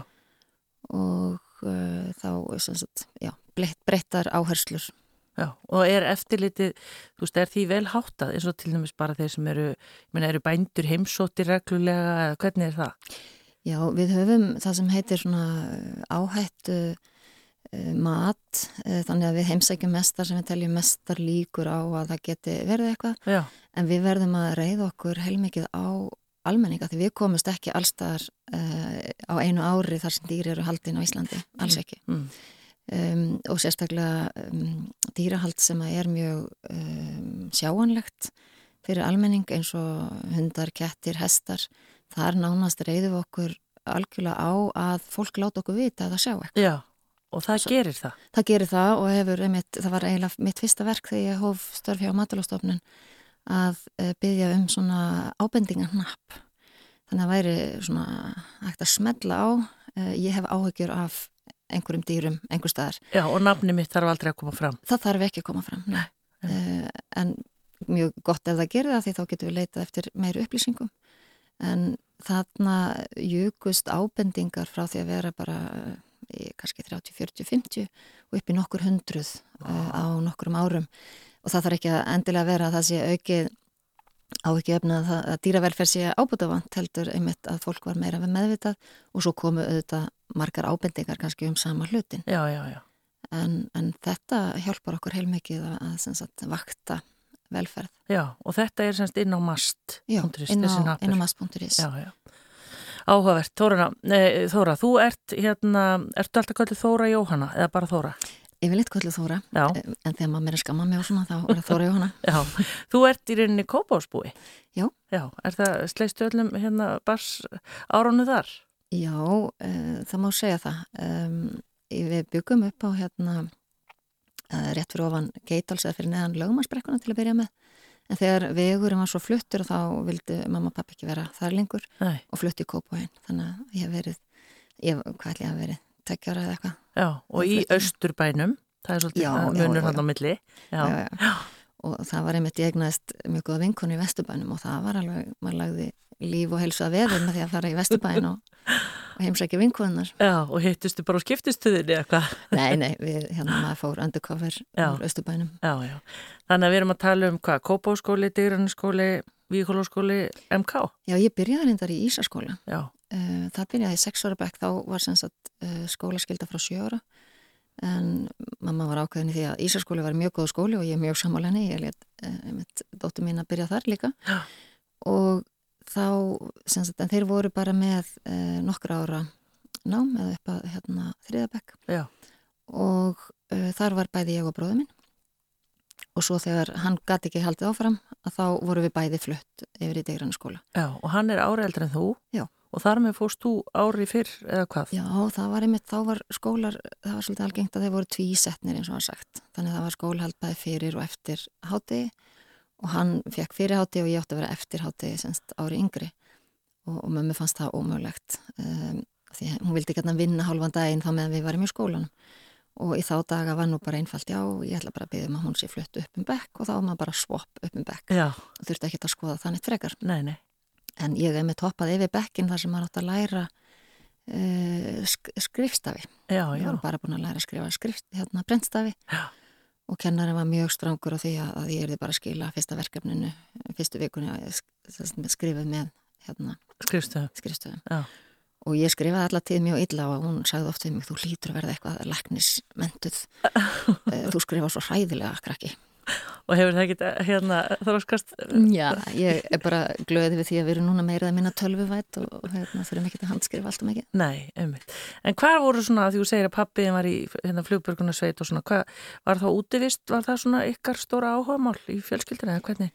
Nei, í raun og veru, að, útivistin var helst svona sundarspiltúrar og, og, og kannski göngutúrar þá á sunnatugum, um, en mest voru við kannski svolítið að fara í sveitina, pappi og mamma voru bæði úr sveit, mamma úr rangavallasíslu og, hérna, og pappi á norðan Já, og ég var strax bara frá því mann eftir mér algjör dýrakjalling og vildi alltaf fara í sveitina, fannst það algjört æði. já, Þannig að svona mestu fríin okkar, sumafrí og svona var farið í sveitina. já. Og voruð þið þá með hesta því sjálf eða hunda eða? Nei og einmitt, það var aðdánavert móðu minni hefur ekkert verið mjög vel við dýr en hún let alltaf eftir mér ég fekk að hafa hamstra og ketti og fuggla og ég dáist að henni. Ég tók einmitt kökubóksiðnar einu sinni og bjóð til útungunarstöð fyrir hænög sem ég hafi keift í fórsvægi Já, held ég að verið 10-11 ára. Og virkaði það? og ungaði hérna, nei það því miður misfórst eða henni til gleði og mér til hérna, minni ánægu Já, en hún einhvern veginn uh, já, let sér hafa þetta. Já. En Þóra, varstu þarna, eh, hugsaður, já, ég ætlum kannski bara að verða dýralegnir. Hve, hvenar heldur að svo hugmynd hafi? Já, það var mjög snemma uh, ég hérna ég var einmitt sko uh, ég man ekki eftir hversu snemma ég held ég að verið þryggjára þegar ég ákvað ég ætla að verða fyrsta dýra hjúgrunarkona á Íslandi Já. um, Og, er það til fyrir gjöðu? Já, það er til, Það er til. En ég ætlaði að verða svo fyrsta Já. alveg harða ákveðin í því Já. Á þinn tíma þá var sem sagt bróður minn, hann var byrjaðar í þessar skóla og, og ég lærði eiginlega að lesa svolítið á kvolfi, ég var alltaf satt hinn með við borðið og las með honum en á kvolfi þannig að ég byrjaði minn lestur á kvolfi Já, og var svona byrjuð að stauta mig fram úr þarna fimm ára uh, að lesa fyrirsagnir í, í blöðum. Og hérna og man áfallið þegar ég sá í morgumblæðinu fyrirsögnina að Sigfríd einhver væri fyrsta dýra hjúkurnarkona á Íslandi. Já, og ég bara, ha, í alvöru? Og mér fannst þetta mjög svekkjandi. Já, og sagði þá strax þarna, ég er fimm ára þá vil ég ekki verða dýrahjókunarkona þá ætla ég að verða dýralæknis já, og þar með tók ég bara það ákvörðun. Já, já. en svo verði ég að veikjana þegar ég var komin í mentarskóla að þá var ég nú svona að skoða fleira, ég var búin að setja á listan sálfræði, arkitekt og læknir og svo fór ég svona að, að melda þetta og fann út að jú, sálfræðingar þeir eru stöðut með vandamál annara allan daginn strókaði það út, arkitekt, það er svolítið mikið innivinna, það á ekkert endilega við mig, strókaði það út og ég satt eftir og var lengi að gera upp við lakni eða dýralækni. Svo ákvaði ég að sækja um og hugsaði ef ég kemst ekki í dýralæknin, þá fer ég í læknin. Og svo komst ég inn og, og þar með var það ekkert aftur snúið. Nei, þar með grunnur lagði hjá Þóru Jóhannu. Já. En af hverju fara svona margir Íslendingar til Noregs í að læra dýnar? Af hverju eru þeir svona framalega eða? Það hefur verið góð samvinna millir Norðurlandana og þar var, uh, það er Danmörk og Noregur sem eru helstu löndin og Noregur skipti í rauninu veru það voru tvö dýralækna pláss uh, sem að Íslandingar fengu gegn því að sex normenn komist í læknisfræði á Íslandi. Og, og hérna, þannig það þóttu ágæti skipti en það er alltaf mikið af Íslandingum að læra í Nóri og líka í Danmörku. Þannig það voru helstu löndin, það var Svíþjóð var eiginlega lókuð og svo í Englandi og, og öðrum löndu þurftur að borga háskólagjöld þannig. Já, og hvar varst í Nóri? Í Oslo. Já. Dyrlarnar háskólinn var og hefur verið í, bara í miðri Oslo, dásanlegt. Um, það er verið að fara að flytja núna á næsta ári. Já, það, það er þetta ári. Já, 2020. 2020. Já. Og, hérna, og það var alveg svona paradís eiland í, í miðri Oslo og, og tókst yfirleitt bara mjög vel nema ég man eftir eitt skipti sem einhver kvíga slapp út og skokkaði verið á næsta leikskóla það var smá fjadrafók já. Eða, já, yfir því. En, en hérna annars Já, þannig að það eru bara, það er aðstæði fyrir fullt af dýrum og allt þetta í kring. Já, það er svona, eftir það þá var ákveð að girða af svæði þannig já. að, að nautgripir og, og hross hlipinu ekki hvert sem aðri. Nei, en, en það gekk ótrúlega vel. Já, og hvað er þetta langt ná? Þetta eru sex ár með sko, eða fimm og hálf önn þeir eru það að skipta prófuninni í haustun og vorun Já. þannig að ég útskrifaðist voru 1990 Já, ömmut.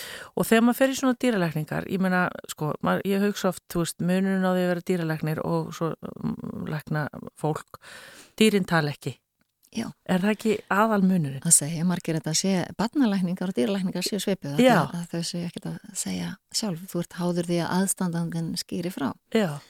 Um, uh, ég held að okkar hérna, viðskiptavinnir séu líka gætnari kannski á að býta um, eða mislíkar eitthvað á klóra.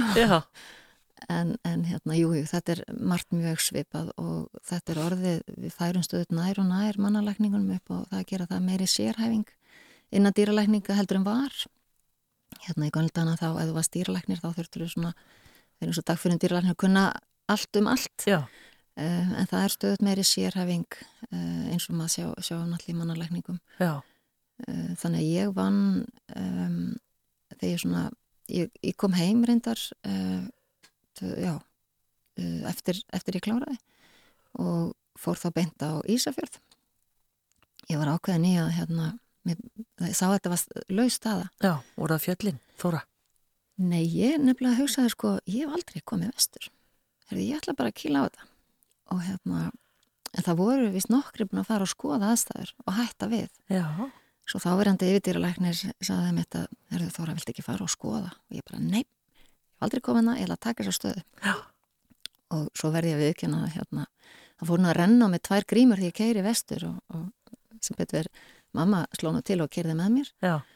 Og hefði ekki verið einhver sem einmitt kannski var með mér, þá veit ég ekki hvort að maður hefði snúið við því að ég hef sagt, guð mig góður, ég var búin að keira praxis í Norri þar sem að bæirnir eru nánast hlið við hlið. Og mjög mikið að gera í praxis þannig að kerði og kerði og kerði og hei, hér er bær, bær. Æ nei, hér, þetta er eðibær og eðibíli og, og hérna og ég kerði og kerði og kerði og annar bær. Æ, nei, þetta er eðibíli líka. Já. þannig að ég gerði mig grein fyrir að, að þarna er strjálbilt, það eru langa vegaleindir og þarna voru náttúrulega engin göng nema bara í Bólungavík. Já. Þannig að það fór mjög mikið af mínu starfstegi bara að komast á milli. Já, og getur oft verið vond veður og alls konar já, já, aðstæður. Og, og ég segi ofta, ég kom hann með nýju líf, svona eins og kötturinn, en ég fór örgla bara með eitt því að ég var stöðut að koma mér í alls konar háska. Og hérna, og það var náttúrulega, uh, dýr spyr ekkert að því þegar það veikjast hvort það sé gott eða slemt veður. Já.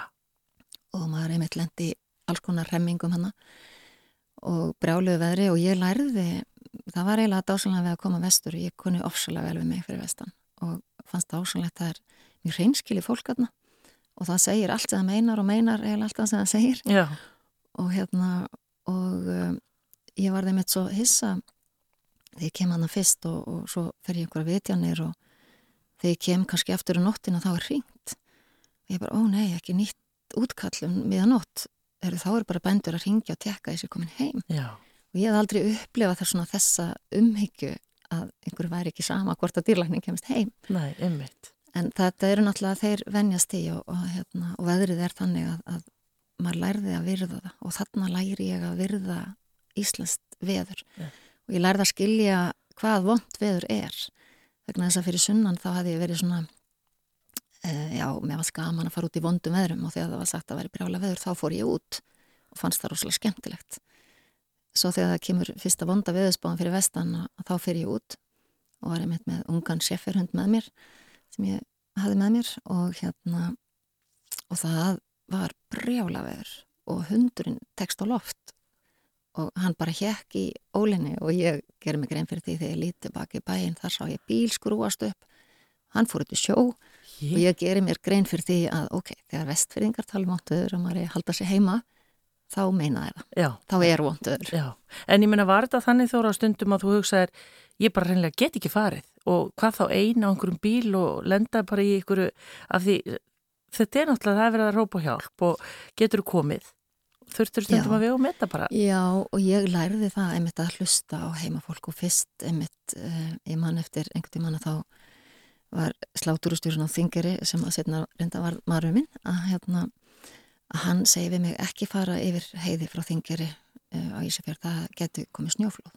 Og ég líti á hann hugsa bara hvaða hérna ég ætla að fara að segja kettling en þú veist, þetta meinum við það ekki að því að hérna Nei, Uh, við veitum það með hérna, íslensku dóttur uh, hugtakið að það, hérna, íslenska konur eru bara mjög öflugar. Já, en ég hugsaði bara hvað er hann að meina, það er nánast engin snjór. Svo ég þakka bara fyrir góður áð og keira stað. Og þá keiri ég hann í kynnin á, á bregðalsæði og ég heyri bara einhver læti og sé í baksinu speiklunum það er komið snjóflóð fyrir aftan mig á milli bílsins míns og bílsins fyrir aftan. Og þar er svo bratt niður að snjóflóðin bara feikja manni framaf og þá hugsa ég bara, ups, ok. Þóra berðu virðingu fyrir Já, náttúrunni. hlustaðu á heimamenn, þeir vita öruglega betur. Já, Þannig að þetta hérna kendi mér að hlusta. já Þannig að varstu, hvað varstu þó lengi fyrir vestan? Ég var í þrjú ár. Já, kynntist þá sem sagt, fyrirvændi manninu þínu Já, og, og, og hérna hvar bygguðu þá? við byggum á, á Ísafjörði Já. og, hérna, og það er náttúrulega margar heiðar hérna farið yfir og Breðedalseiði var oft erfið og einmitt að því hún var svo brött þá, gati, þá hjálpaði ekkit alltaf að vera á snjósliða og ég man eftir eitt skipti sem að, að þá hérna, fór ég á snjósliða eins, eins hátt og ég komst. Þá var kú í, í dýraferði sem gæti ekki borið. Og þá pakkaði ég öllu bara í bakpoka öllum skurð áhöldum og fer á sleða eins langt og ég kemst lappa svo yfir há heiðina þetta var meðanótt og hérna með bakpókan og vonaði bara ég hefði mun eftir öllu sem ég þyrti svo er ég sótt hinum megin e, á snjósleða og svo keirð í, í hérna dýraferðin og og einmitt var nú, þetta var allavega fjögra tíma ferðalag og ég var nú orðin svöng og þegar ég kom og einmitt beðum hérna morgumat Já, Bóndi var nú frekar hissa, fannst að ég ætti að forgámsraða hérna, keisaraskurðinum á, á kunni en hann leti eftir mér og sótti kaffibólla og tvær bröðsneðar og svo tók ég mitt keisara á kunni og þetta voru einmitt aðstæðunar að þú varst bara já Liggur við gista bara hjá fólkinu ef að Já, þú veist, þetta var náttúrulega mjög óvanalegt að þurfa einmitt, að ganga með bakpoka, skurðavældin í bakpoka til þess að, að ná að fara í vitjun. Um, og ég var svona, ég er æfintýramanneskja og, og hérna, fannst gaman af svona æfintýrum og ég fekk töluverða útrás þessi þrjú ár sem ég var hérna Já, fyrir alla mína æfintýra þrá. Og hérna og mamma held ég að hafa verið manna fegnust þegar ég fór aftur. Við fluttum svo til Norex þar sem ég svona um, sérhæði mig meira í, í gæludýrum og fór í krabbmeinsrannsóknir og, og, og krabbmeinslækningar já, en mamma var voða fegin Mamma var fegnust. þegar ég flutti frá, frá Ísafjörði en mér fannst þetta aðeinslegt Ég sé þetta fyrir mér í einhverju svona bara leikuðu svona bíómynd, þóra einhvern veginn með bakpokan og er að fara að geta keisaraskurða á kú og einhvern veginn bara í vonda veðrinu, þetta er svolítið efindræðilegt. Já, fólk var sko, þetta, maður var eftir ég lærði að virða þetta þá er mitt, maður uh, átti alltaf von á flóðunum hana í Breiðadalseiði og maður horfði stundum meira upp í fjalli heldur en á veginn og ég mitt að var að brölda yfir snjóflóðin og ég mann einmitt uh, eitt skipti þá var ég þarna eitthvað sjö- átta mánuði ólétt eða eitthvað og er, þá var maðurinn minni í undaferði veðuteftur og einhver kúr í undaferði sem að stígur á spenna og ég ætla að fara og redda málunum en, en til þess að komast að þá þurfti ég að fara hann yfir þrjú snjóflóð og þá, þá þetta var svona snemma á ferlinum og ég var ekki alveg búin að ná tökunum að þetta hleypa úr og, og hérna og láta mig svona lotla yfir þetta. Þannig að ég festi mig í flóði nummið tvö.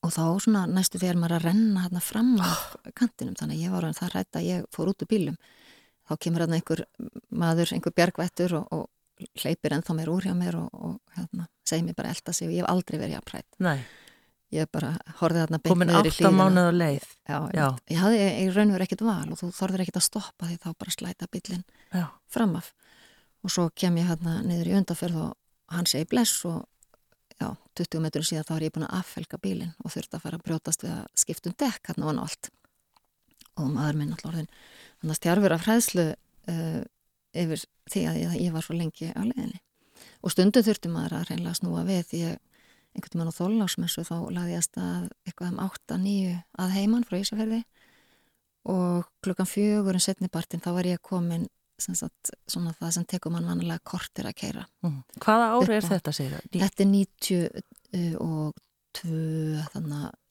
veturinn.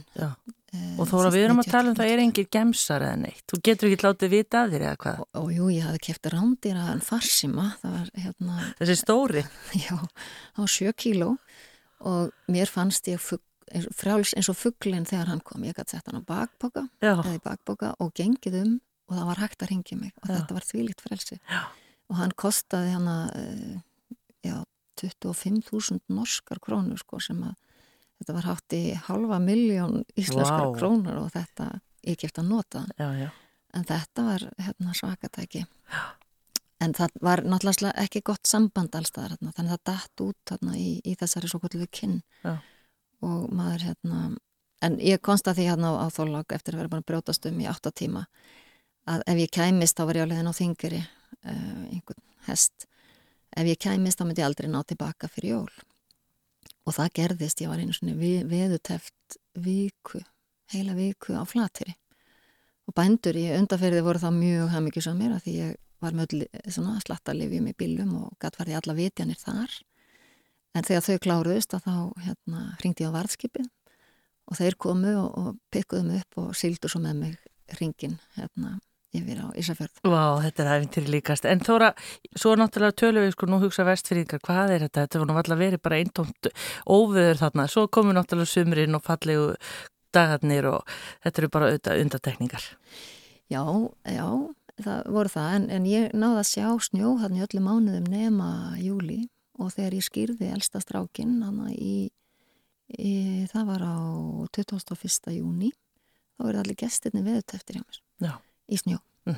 fólk var að kaupa sér keðjur og skuplur og komast að vestan ég var að glöða að hafa alla ættingina þannig að, að það, þetta voru kannski svolítið snjóþunga ár hérna þarna byrjaði ég mitt af þeim áhugaða mikið á snjóflöðum og þarna byrjaði ég að þjálfa minn fyrsta snjóflöðaleitarhund já, og, og fer svona meira á kaf inn í, inn í björgunar sveitastörfin. já. Það er svona, eins og ég segi, ég var að reyna svona íta því en þarna hefur þetta svolítið komið. Já, þarna byrjaði ég aftur. Ég ætlaði reynda sko í flugbjörgunar sveitina þegar ég var 18 ára og spennt og hérna, en þá voru ekki, það, þá var flugbjörgunar sveit Reykjavíkur ekki opinn konum. Og ég sótti samt um svona til að láta reyna á þetta og mér var góðlátlega bent á að ég geti farið í kvennadeldina sem er reynda mjög uh, mikilvæg fyrir flugbjörgunarsveitina og en það var mest konur eða eiginkonur björgunarsveitamannana Já, sem að standa fjáröflum sem er auðvitað mikill styrku fyrir sveitin en það var ekki þangað sem að minn hugur uh, leitaði enda ekkert sérstaklega góðu bakari og ég afþekkaði en hérna en var ekki alveg sátt að þetta væri ekki ég vildi verða björgunarsveitakona en ekki en ekki bakari. Sko. Nei, flugbjörgunarsveitin er bara aðeins munurinn á þessu, flugbjörgunarsveit og svo björgunarsveit. Þetta er núna allt komið inni uh, undir Slísavarnafélagi landsbjörg. Já, einmitt. Uh, og það er með saminast allir, allar sveitir og það var mjög mikið vægt skref. Já. Þannig að allir fara að vinna saman sem einn held í staðin þess að það bar svolítið á þarna mann ég uh, svona keppni á milli sveita. Já, já, já. Það voru uh, hjálparsveit skáta og það var flugburgunarsveitin og allir vildi verða fyrstir. Já, já. En eftir að Slísavatnafélagi landsbyrg uh, verður svona utanum haldari að þá fara allir að vinna miklu meira saman. Já, en þú segir, byrjar að þjálfa þarna þinn fyrsta leitarhund. Er það, sagt, þannig hundur, hann fæðist inn í heiminn, er hann svo þjálfaður bara til þess að verða, sagt, hvernig gerir maður það? Það er náttúrulega, eh, flestir hundar eru með mjög gott nefn og, og það er þetta þjálfa flesta hundar sem hafa svona þokkalega stærð og getu til þess að verða leitarhunda. Um, þeir eru með rosalega gott líktarskinn og margfald meira við. Það tala um svona 220 miljón líktar nema í nefinu þeim að með við höfum 5 miljón og þeir eru rosalega mikilvægt hjálpatæki sérstaklega eins og í snjóflóðum. Já. Eh, þar sem að hérna, ef að fólk er ekki með íla eða slikt og snjófláð byggð að þá er það nánast eina tæki sem við getum nota til þess að finna fólk um, að því það er svo mikið dót og það er mjög erfitt að stangarleita slikt. Hvaða tegund er? Um, mikið notaðar eru labratorar, golden retrievers uh, border collie mjög mikið uh, sheffer hefur aðeins verið og ég var með sheffer hérna fyrst um, þeir eru svona aðeins þingri um og svolítið háðari eiganda oft heldur en, heldur en kannski bortikóli en allar þess að tegundir er hægt að þjálfa Já. upp. En þegar að þóra þegar þú ert eh, starfar í dag sem Björgunarsveitar maður eða kona, ég veit í kosti nótið, bara bæði, konur eru menn, hérna, uh, ert þú þá þóra Jóhanna með hundin? Þú veist, eru þið alltaf tvö saman já, eða? Við, eh, sko, já, hundateimi, við kallum þetta hundateimi. Um, það er þannig hátta með leitarhunda, það eru tvær sveitir sem að þjálfa sérstaklega leitarhunda og það er Björgun hundasveit Íslands og það eru leitarhundar. Um, má líta bara á þetta eins og tvo, tvær sveitir sem er að gera það sama þjálfa upp leitarhunda. Og það eru bæði víðavangsleitarhundar og snjóflóðleitarhundar um, fyrst og fremst.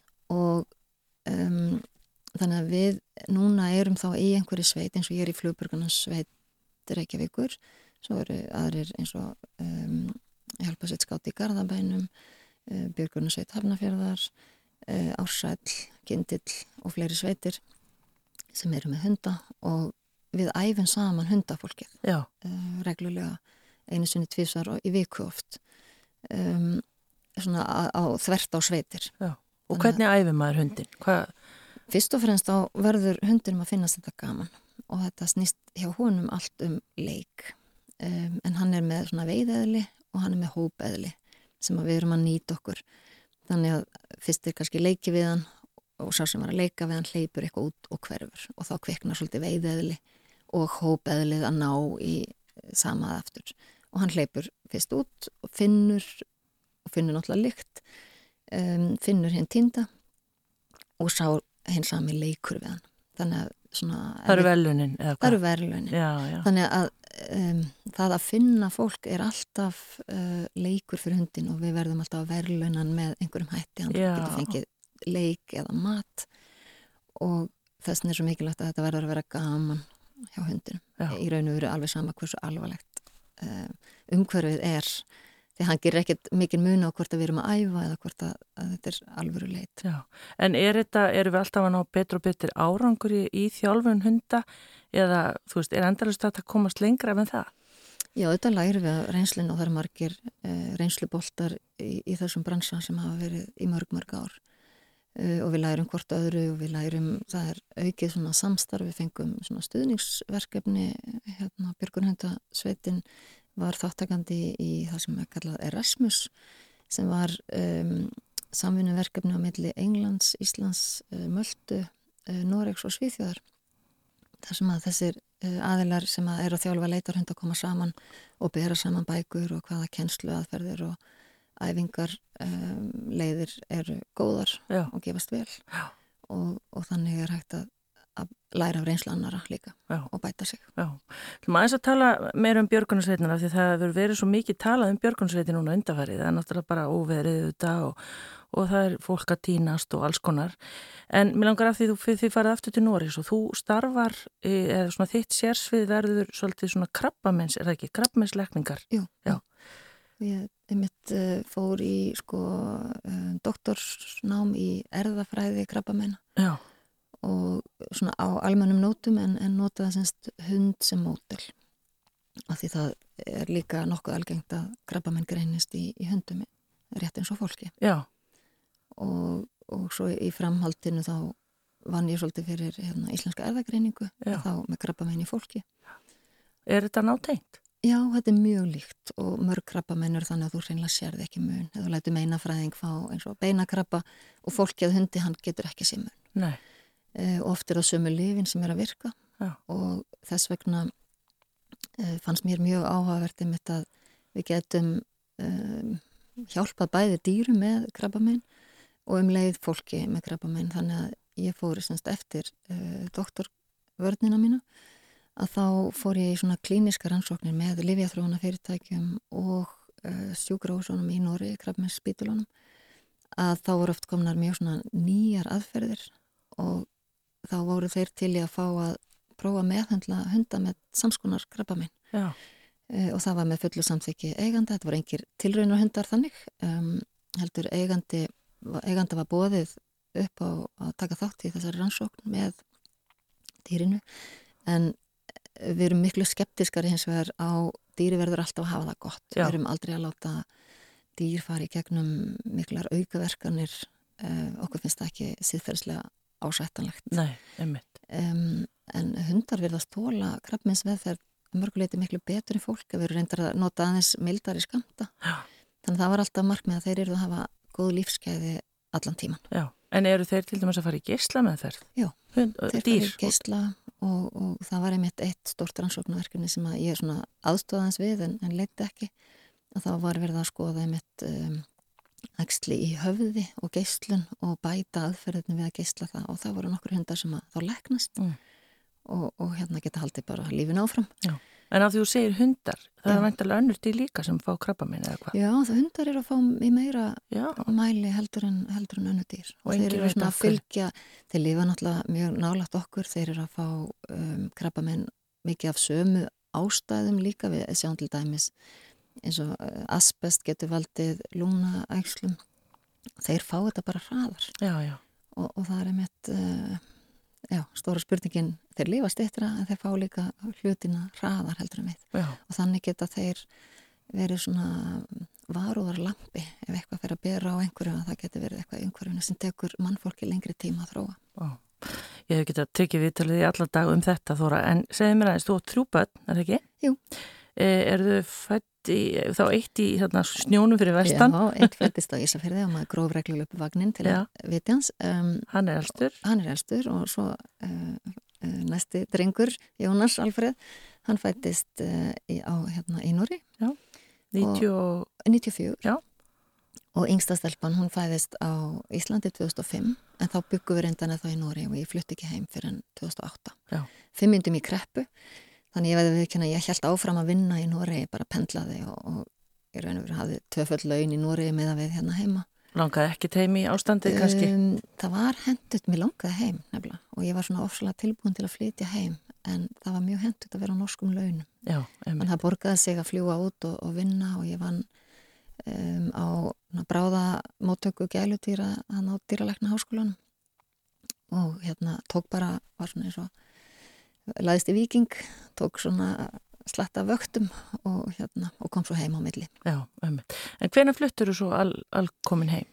Uh, ég má segja sko 2008 flytt ég heim uh, en hætta mestu ég var í hlutastarfi til 2013 Þá, til ég byrjaði að störf hjá, hérna, hjá matalastofnun en ég er ennþá pínlítið með annan fótinn ég er í, við stopnaði fyrirtæki eh, 2010 um, ég og, og nokkri normenn, einn læknir og einn efnafræðingur og einn samendalífræðingur uh, stopnum fyrirtæki til að þráa krabba með slif fyrir uh, fólk. Já, já.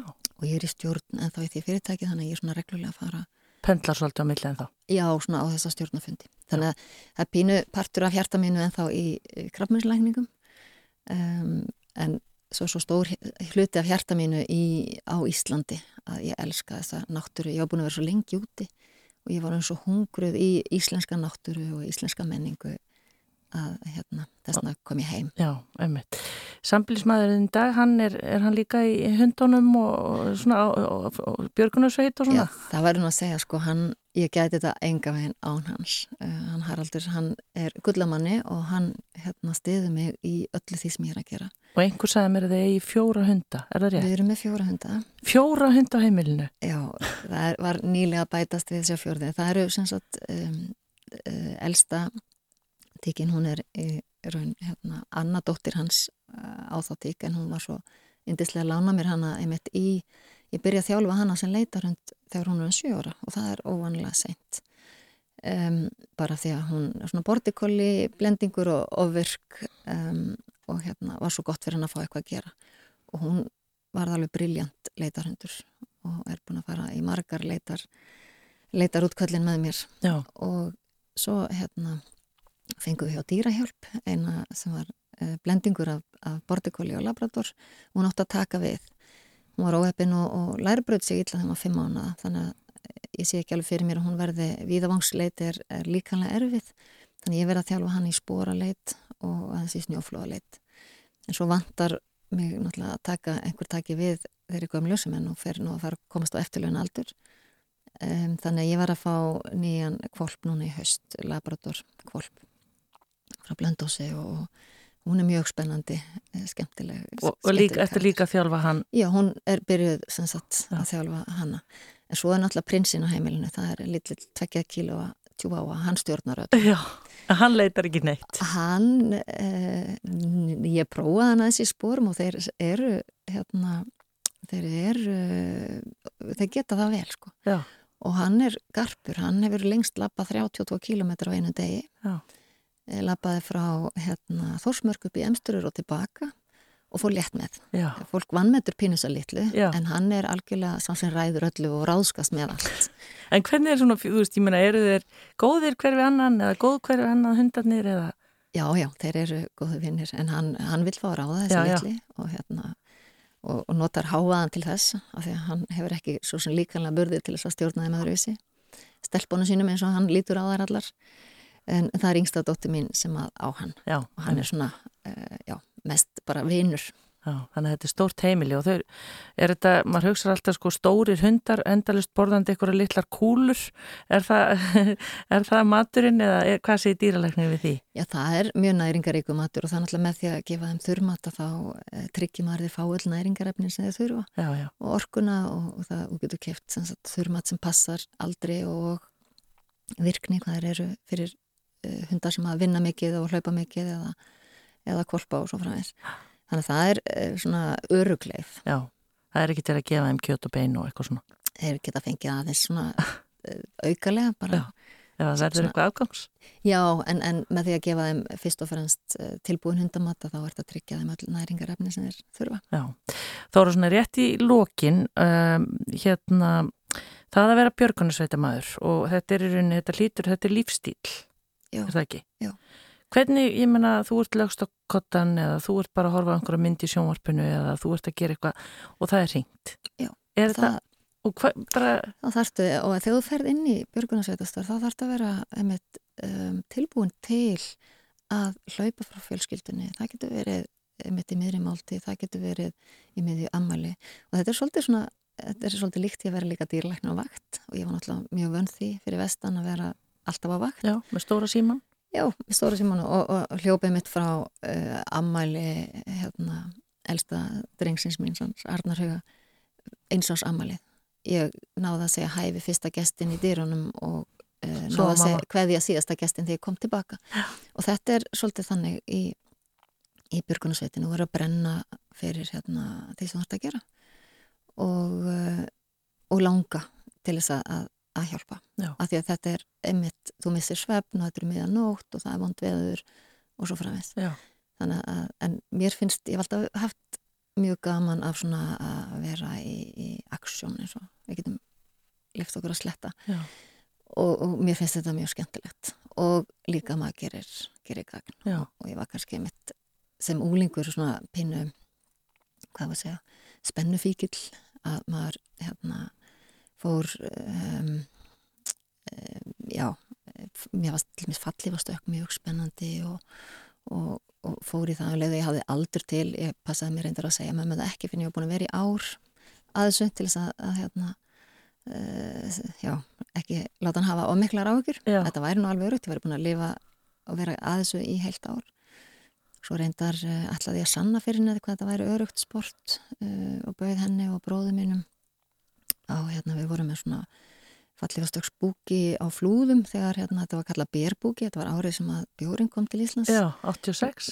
Nei, Eh, 89 89 fyrir ekki, já. mjög stór stund. Já, og, einmitt. hérna, og við um, förum hann upp í, í einhverjum tvinnóttir og í mildinni kom brjála rók og við pöðruðum stanna út um allt uh, stökkverðarnir. Oh, og um, ég var hefnari, ég lendi á golfvelli um, sumur lendi á ná- einhverjum bændum um, þannig að um, móðu mín var ekkert mjög Nei. það væri alveg örugt en hún svona uh, lifði við þetta eins og, eins og við dýrin dýra áhuga minn Já. að hérna og, og pappi var mikil dýrakallarindar þannig að ég hef trúlega haft þetta allt frá honum já, en er þetta þannig þóra að því ég sagði lífstíl, er helst sama fólkið áfram í björgunarsveitum? Ertu í þessu bara nánast? Það er ekkert mikið um að fólk hætti eða hvað?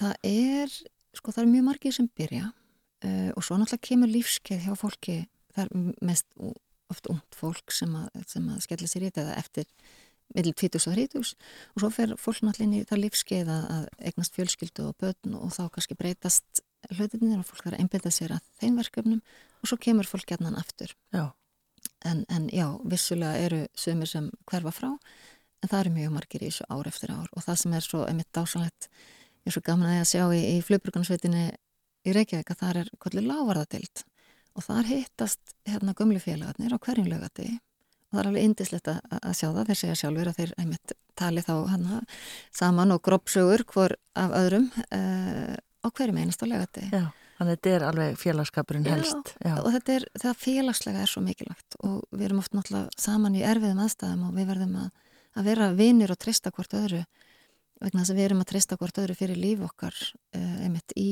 útkvöldum. já, en hefur þú upplifað þóra því við vorum að tala um alls konar sögur af óveðri fyrir vestan og svona og þarna í falligastökkinu, en hefur þú lendið því að verða bara mjög hrætt í einhverju, einhverju leit eða eitthvað slíkt? Ég hef aldrei uh, upplifað það í einhverju leit eða útkalli um, en ef maður svona gerir sér grein fyrir það geta verið hættulegar aðstæður eins og þegar við fórum í útkalli í, í hérna, snjóflóði esjunu þá svona áttum að segja ok, getur verið flóð hérna fleiri flóð að koma fyrir ofan og þá færði ég mig bara, þá var ég mitt einn svolítinn tíma og ég sagði nei þetta er ekki áhættinu verði, ég ætla að færa mig á örugan stað og, og færi mig til Já, Þannig maður verður alltaf að vera meðvitt og það er einmitt það sem að, uh, er kent í björgunarsveitunum. Kvöldin það fyrsta þrýðning, það er eigður ekki. Það er nummer 1, 2 og 3. Já. Við verðum alltaf að huga því fyrst. Því að við gerum ekkert gagn að, og, og meira ógagn en gagn ef við þurfum að fara að láta bjarga okkur. nei. Þannig að það er nummer 1, 2 og 3. Já, hvað heldur að gerist núna með björgunarsveitina? Nú gekk nú bara ágætlega þetta með flugeldana, þetta er þetta opbáslega tvíbent að styrkja allir vilja þetta og aldrei bara einhvern veginn sem við höfum gert okkur eins mikið grein fyrir því, bara hversu mikilvæg þið eru. En hvað heldur að gerist í sambandi við flugeldana? Ég veit að þú að þú dýralækni líka þóra og bara dýrin þól ekki þessa flugelda. Nei, og, og ég er náttúrulega alltaf í pínu klemmu, sko, ég hérna, sjálf er ekki hreyfin af flugöldum og ég sé bara hvað það skapar mikla angist hjá mörgum dýrum og hættu og hesta fólk og, og hérna hestar að hlaupa með fólk á baki og þannig að það er margt, sko ég held að við verðum klálega að breyta þessu miskusti og það er kannski að stitta þennan tíma og sleppa tímanum á milli sem sagt uh, Já, fólk eru ofta að draga þetta svolítið bæði fyrir og eftir. Já, það er- kannski að hafa á gamláskvöldi eins og ég sá allumis, uh, var mikið í Nóri það er gamláskvöldið og svo er það bara sagt uh, 13. og ekki þar á milli eins og er svo hér um, en ég held að í sannleika sagt þá held ég að það framtíðin verði ánflugvelda og það fara að verða úröld og ég tel að, að hérna, við verðum að finna aðrar fjármögnan leiði fyrir björgunarsveitir. Og, og vissulega björgunarsveitinar eru algjörlega háðar stuðningi almennings á allan hátt. Já. Eh, þannig að við segjum að, að fólkið er fyrir okkur og við erum fyrir fólkið. Já. og við getum þetta ekki án hvers annars. Nei, það kemur ljós hvernig þetta verður allt saman. Þóra Jóhanna uh, Jónasdóttir, dýralegnir, Björgunsveitakona, heldur þú skrifir ekki einhvern tíma bók um öll æfintýriðin? ég held nú ekki ég hérna, er ekki nógu róleg til að sitja nógu lengi að skrifa bók En sko, þú sagður okkur sko hundraðasta öllum æfintýrum sem þú lendi. já, já, einmitt Já. um, já, já, kannski þegar hérna, uh, orðin gömul og ég náttúrulega held alltaf að ég sitt 29 og hérna uh, já, kannski þegar ég er komin á elli heimili og, og fyrir að hafa rólega daga að skrifa eitthvað Já, en Þóra, alltaf, hvað ætlar að gera meir í dag? Nú er sunnudagur og ég veit að ég var að tröfla því að, ég er búin að reyna svo ofta að ná í þig. Hvað hefður þú verið að gera þú hefur ekki komið tímin í sunnudasögur? Jú, ég hérna, hefði farið upp í Bláfjöld og mókað nokkra snjóhólur fyrir snjóflóðundana Já, og, hérna, og svo stefni ég í hesthúsið eftir að við erum einmitt með hesta og við erum að gera það svolítið upp þannig að við þurfum að taka taka til hendri. þar, já. Já. Takk fyrir komuna og takk fyrir að gefa þið tíma hérna, til að koma til mig Þóra Jóhanna Jónasdóttir. Takk fyrir. Takk fyrir að bjóða mér.